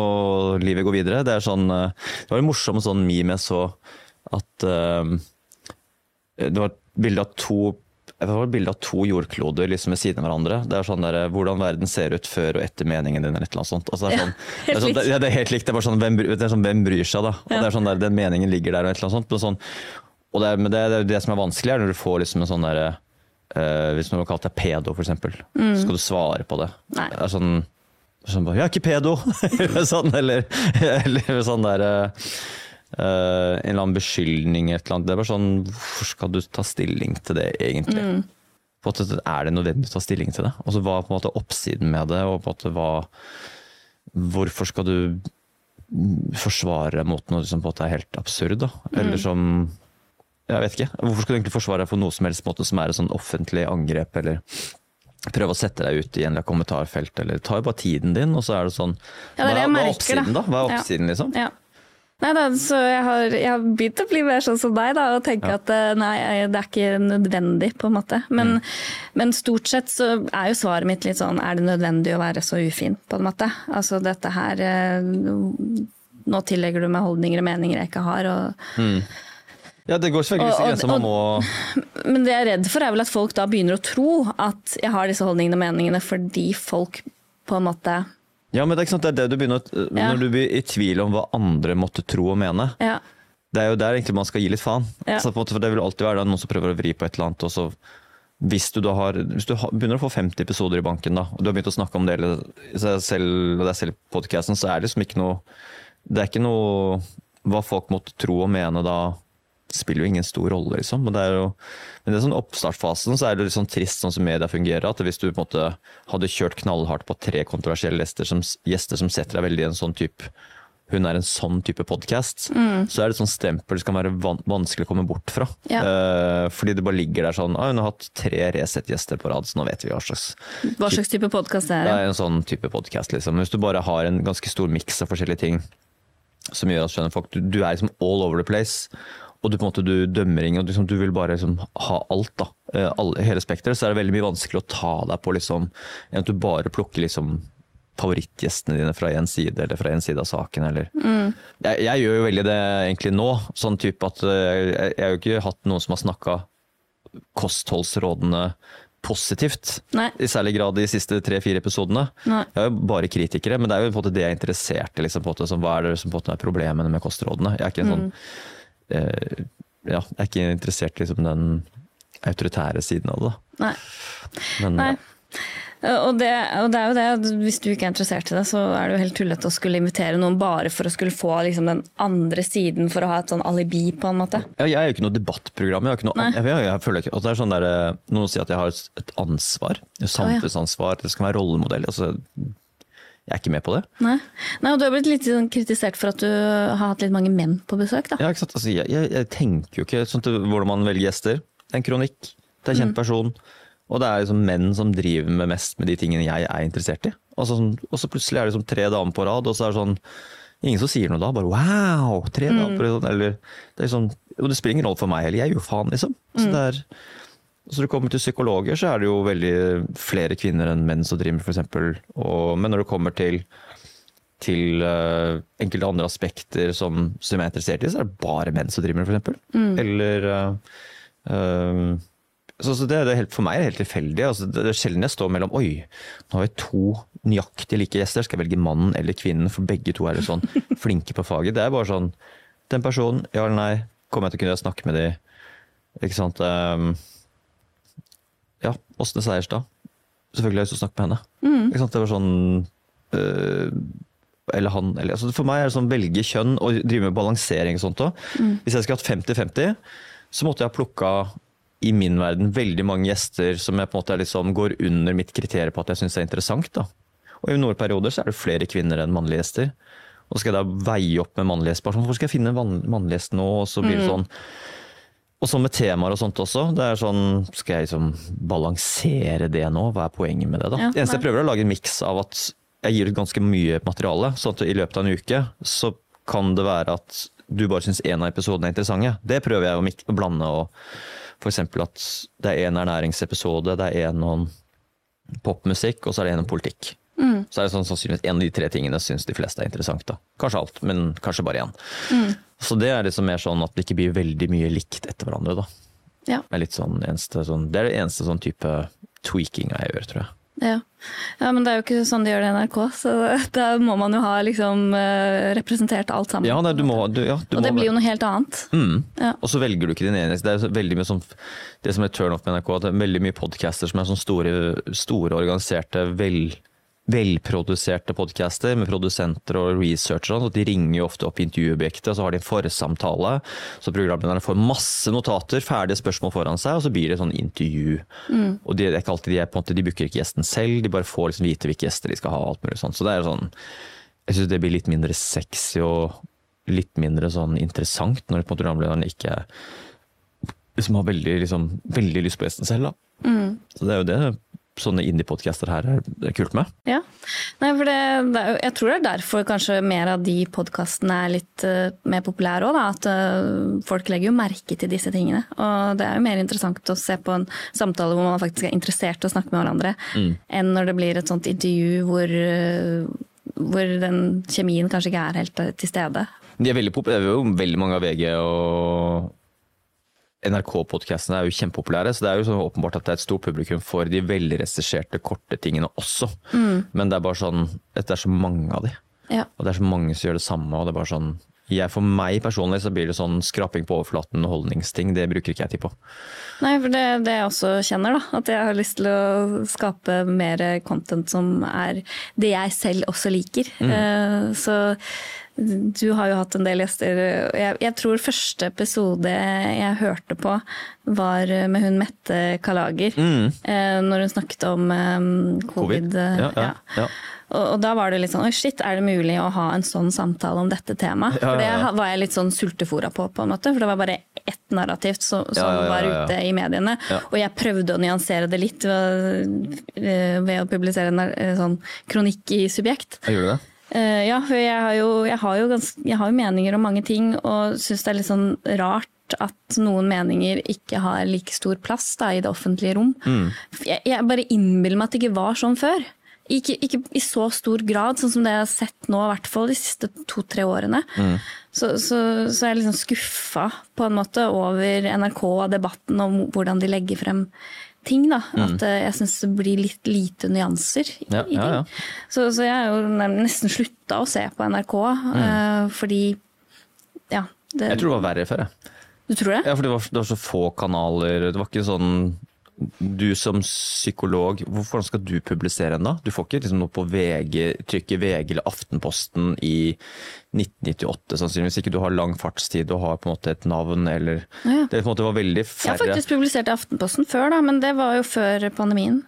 Altså, jeg tror det er bare sånn at både at alle de her storavisene store avisene trykker jeg, jeg tipper det er sånn mye lettere å komme på trykk nå og komme til ordet enn før. For det var liksom, det var én TV-kanal og to-tre store aviser. eh, og det var mye, altså radio, veldig få radiostasjoner. Det var veldig mye vanskeligere å komme til ordet og få eksponert altså, Det fantes ikke noen nisjeaviser, det fantes ikke noen podcaster, det var ikke noe Nei. on demand. altså det var Veldig mye vanskeligere for, eh, for de som på en måte ikke hadde nettverk eller kom forbi portvokterne. portvokterne. Det var jo Ja. veldig mye vanskeligere å, å komme til med det ordskiftet tror jeg, før da, enn nå, Men, faktisk. men jeg innbiller meg at i hvert fall på debatter og liksom ble invitert inn for å snakke om et tema, så, så var det jo gjester som hadde litt mer kontroversielle holdninger før, på en måte. Jeg vet ikke.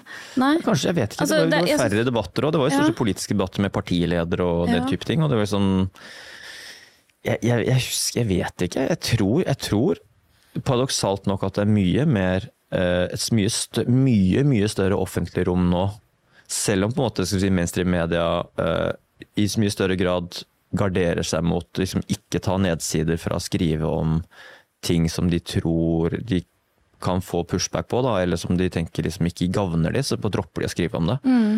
Eh, Men jeg tror det er mye, mye, mye større offentlig rom nå enn det noen gang har vært. da. Ja, altså, men da blir det jo ikke i hovedstrømsmediene nødvendigvis, tenker jeg. Da. Nei, nei. Eh, det, det, det er det som jeg syns er litt problematisk, da. De tar jo, de tar jo tak i det liksom når det er stuereint, på, på sett og vis. For eksempel sånn typ, øh, og hvis det skulle være noe sånn covid, vaksinekritikk, den type ting, så må det liksom komme fra en eller annen veldig merittert lege før de tør å sette det på trykk. Eller.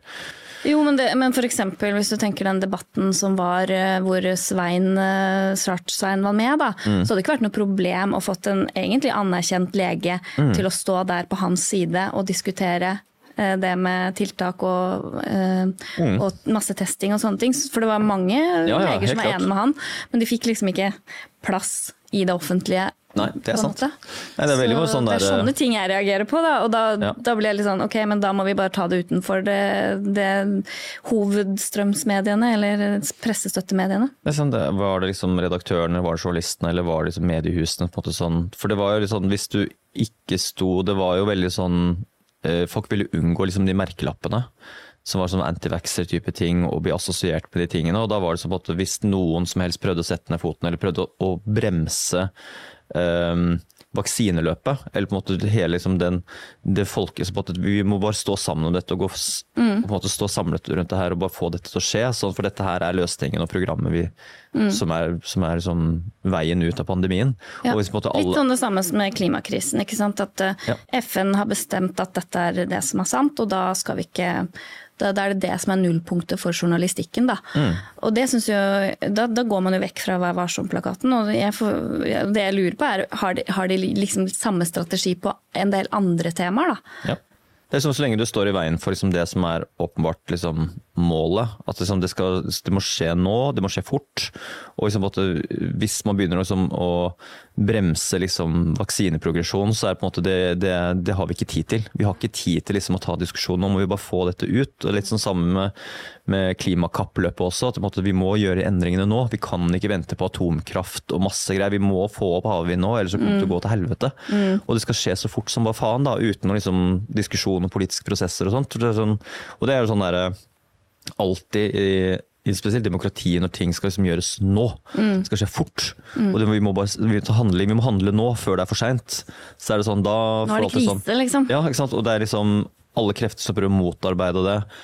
Eh, Det må vi bare, sånn bare få, få rydda unna. Da. Og det er sånn, Hvis da på et medie kan opp, er redd for å ta en nedside på at hvis de tar et sånn kritisk standpunkt som da gjør at ting halter eller går sakte, eller at de på en måte inviterer inn krefter som på en måte de ikke vil ha inn i den offentlige debatten, så kan det være en veldig stor nedside og omdømme for avisen. Så det er mye bedre lukrativt og økonomisk og omdømmemessig å bare holde seg på liksom, det trygge og reine, da. Og ikke liksom pirke for mye i det, det store målet som alle skal vi si, er enige om. Ja, men da går det jo vekk fra Vær varsom-plakaten, da. Ja, godt mulig. Du har satt deg mer inn i Vær varsom-plakaten enn det jeg har. Så det er, Uh... Ja, for det er jo noe med det at før så var jo, var det jo, helt, var jo egentlig eh, journalistenes rolle å stille liksom kritiske spørsmål Ja, ja, ja, til, til makta. Og det gjør de jo ikke lenger i samme grad, da. Det, Nei, det, ikke på de sakene der, i hvert fall ikke på det det, nei, det er noen saker hvor det ikke er lov, på en måte. Ja, Uh, og det syns jeg i seg selv er litt sånn eh, urovekkende, da. ja det, det er veldig spesielt av tiden, da. Ja. Så er det noen ting hvor de er beinharde, liksom type um, ja, liksom politikere som har gjort liksom en eller annen sånn sexskandale, eller at det er liksom snusk, økonomisk snusk, og så kan de jo være blodhunder, ikke sant, når det kommer til ja, men når det kommer til Nasjonale. amerikansk politikk, så er jo det bare på den ene siden. Mm. At de er de blodhundene. På den andre siden så skjer det sinnssykt mye syke ting som ikke blir nevnt i norske medier, på en måte. Ja. Det er jo som det alltid har vært, det er jo slagside blant journalistene. Altså det, det er jo sånn Majoriteten er fortsatt liksom sentrum-venstre. Ja. Og det er jo sånn som noen aviser greier å balansere det tålelig greit, men det er sånn Ja. ja, for det er derfor jeg blir så interessert i hvordan det er å jobbe i NRK, på en måte. Fordi de, det var derfor jeg tenkte, svært, merker du det ikke? Eller merker du hvordan det det på, er? Jeg merka på ett nivå. Altså jeg var jo ikke inne i sånn, sånn veldig politisk belasta miljø, eller noe sånt, men jeg merka at det skjedde liksom en dreining i P3 når det kom nye Det ble en sånn eh, ekstremt mange jenter som begynte å jobbe i P3 på 2010-tallet, så slutten av 2010-tallet og begynnelsen av 2020. Og det ble en sånn skifte at det bare sånn Shit, det er nesten bare jenter som jobber her nå. Det var en sånn kjempefeminisering av kanalen, da. Mm. Veldig rar eh, kjønnsfordeling. Og før har det alltid vært sånn veldig mange menn. Så det var det var akkurat sånn på at det var sånn Nå er det på tide med litt mer damer her. Så jeg sånn, ok. Men da var det sånn, jeg husker jeg kom inn på jobb en dag, og det var sånn der, plutselig var det en sånn banner over at eh, eh, kjønn er en konstruksjon, og kjønn At det var veldig sånn kjønnspolitikk på Oi, shit, nå har det skjedd noe med liksom kanalen og identitetspolitikk har bare sivet inn i korridoren. At det var sånn Ok, nå er liksom ikke eh, biologisk kjønn var liksom ikke Det var sånn det var, eh, det var Hele den pakka der kom bare plutselig inn at nå P3 er mener dette nå, og vi lager disse dokumentarene om at på en måte eh, kjønn er flytende og det er spektrum, og liksom biologisk kjønn er liksom det er gammeldags tenking. Og, og der merka jeg at det kom en sånn der, den identitetspolitikkbiten.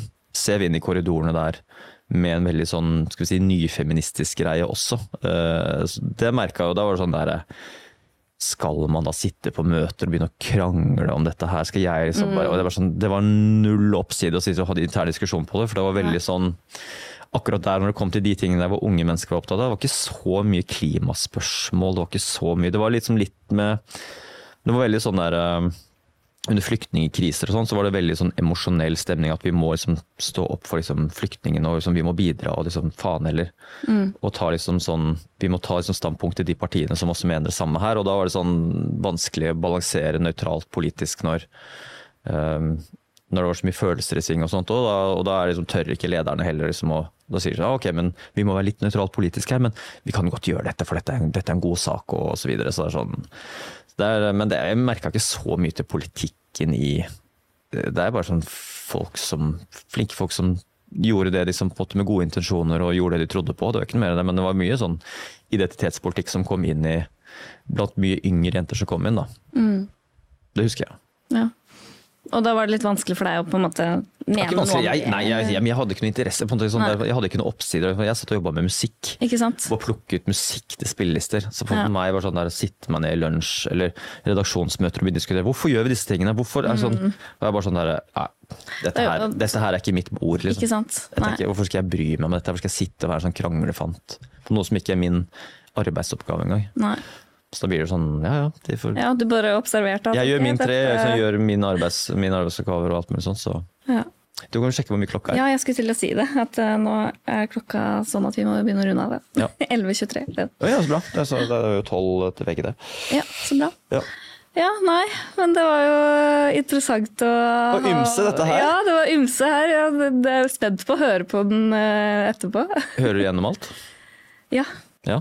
Så lager du bookmarks og chapters og Nei, det har jeg ikke gjort, da. Men jeg ser jo gjennom det når jeg skal lage sånne reels-videoer er- og TikTok-videoer. Her skal du ha noen tips. Ja. Til hvordan, altså, sånn jeg har gjort nå, jeg har outsourca, da er jo heldig nå får jeg andre til å gjøre det. Men det er sånn, så du bare ser gjennom videoen i dobbel fart, så sparer du en time på det. Mm.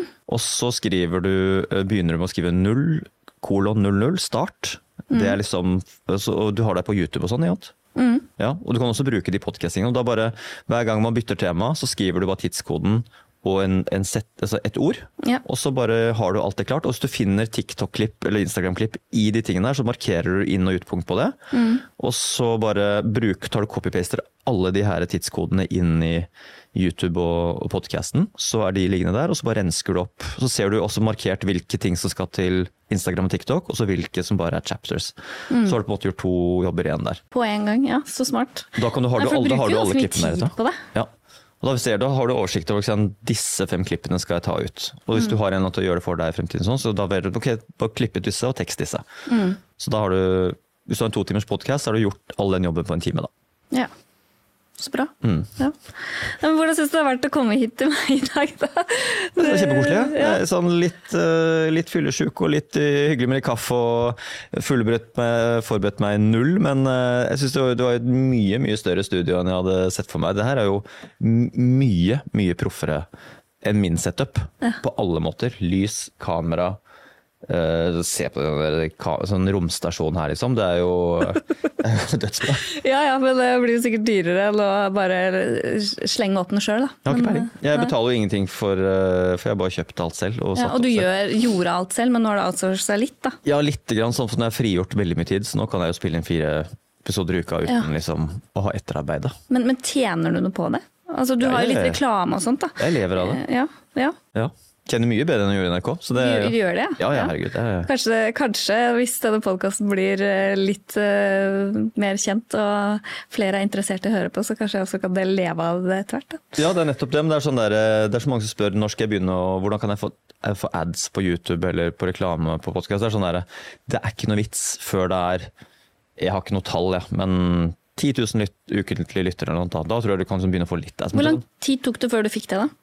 Det tok kjempelang tid. To år. To og et halvt, tre år. Ja. Først da begynte det å skje ting. Mm. Sånn i 2022, da begynte det å bli Ja. litt, litt trøkk. Det tar veldig, veldig lang tid. Hvis du er på en måte ikke er kjendis, så tar det kjempelang tid å bygge opp en podkast. Mm, Episode for episode. Altså. Så det er sånn det det pengegreiene jeg bare venter med så lenge som Ja, ja, nei, jeg har jo ikke noen forventning om det, og det er jo ikke derfor jeg starta det For det tar tid òg, ikke sant. Ja. Og så begynne å sette opp de avtalene og annonsering og alt mulig sånt. Og når det bare er sånn 500 kroner måneden, altså, what's the point? Det er bedre å bare vente med og ikke plage folk med reklame før, før det er på en måte verdt det. Og det er liksom det er så langt uti der. Det er bare å lage ting man står inne for, og så kommer de penga seinere. Ja. Nei, men uh, da veit jeg det. Da har jeg lært litt i dag også. Og veldig hyggelig å snakke med deg. Det, det var ålreit at du gadd å komme til en sånn liten podkast. Det er kjempehyggelig. Jeg husker ikke hva du pitcha inn og til. Men ja, dette blir sikkert hyggelig, det. Ja, jeg Ja. husker ikke heller, men, men takk. for En bra pitch i hvert fall, uansett. Ja, ja. Da skal jeg tenke på det senere. Hva var det jeg skrev til Da kan jeg skrive det til Nei, du tror du må visualisere. Du må ikke kopiere det. Sånn der, du må bare feel, go with the flow, og så bare føle seg fram. Det er jo det jeg gjør, da. Ja. Inspirert av deg. Ja. Ja. Men tusen takk. Du i like måte. Den bygget der, da, hva slags bakgrunn er du festet på det grønne? Det er bare sånn kjedelig tre. Kan ikke, kan ikke ta noe som Miami? På din kan jeg jo det. Bare gjøre et eller annet helt absurd. Ja, men, men det er jo noe med det at det skal bli liksom gjenkjent, da. Når du legger ut her og der. At du skal se hvor det er fra. på en måte. Du kunne ikke tatt studio midt på bakgrunnen. Det hadde vært jævlig fucka. Du har mitt podkast-studio bak deg. Da tror de at det er min podkast. Jeg vil at det skal være. Nei, altså, jeg har sånt eh, Eller bilde av Tonor Arena.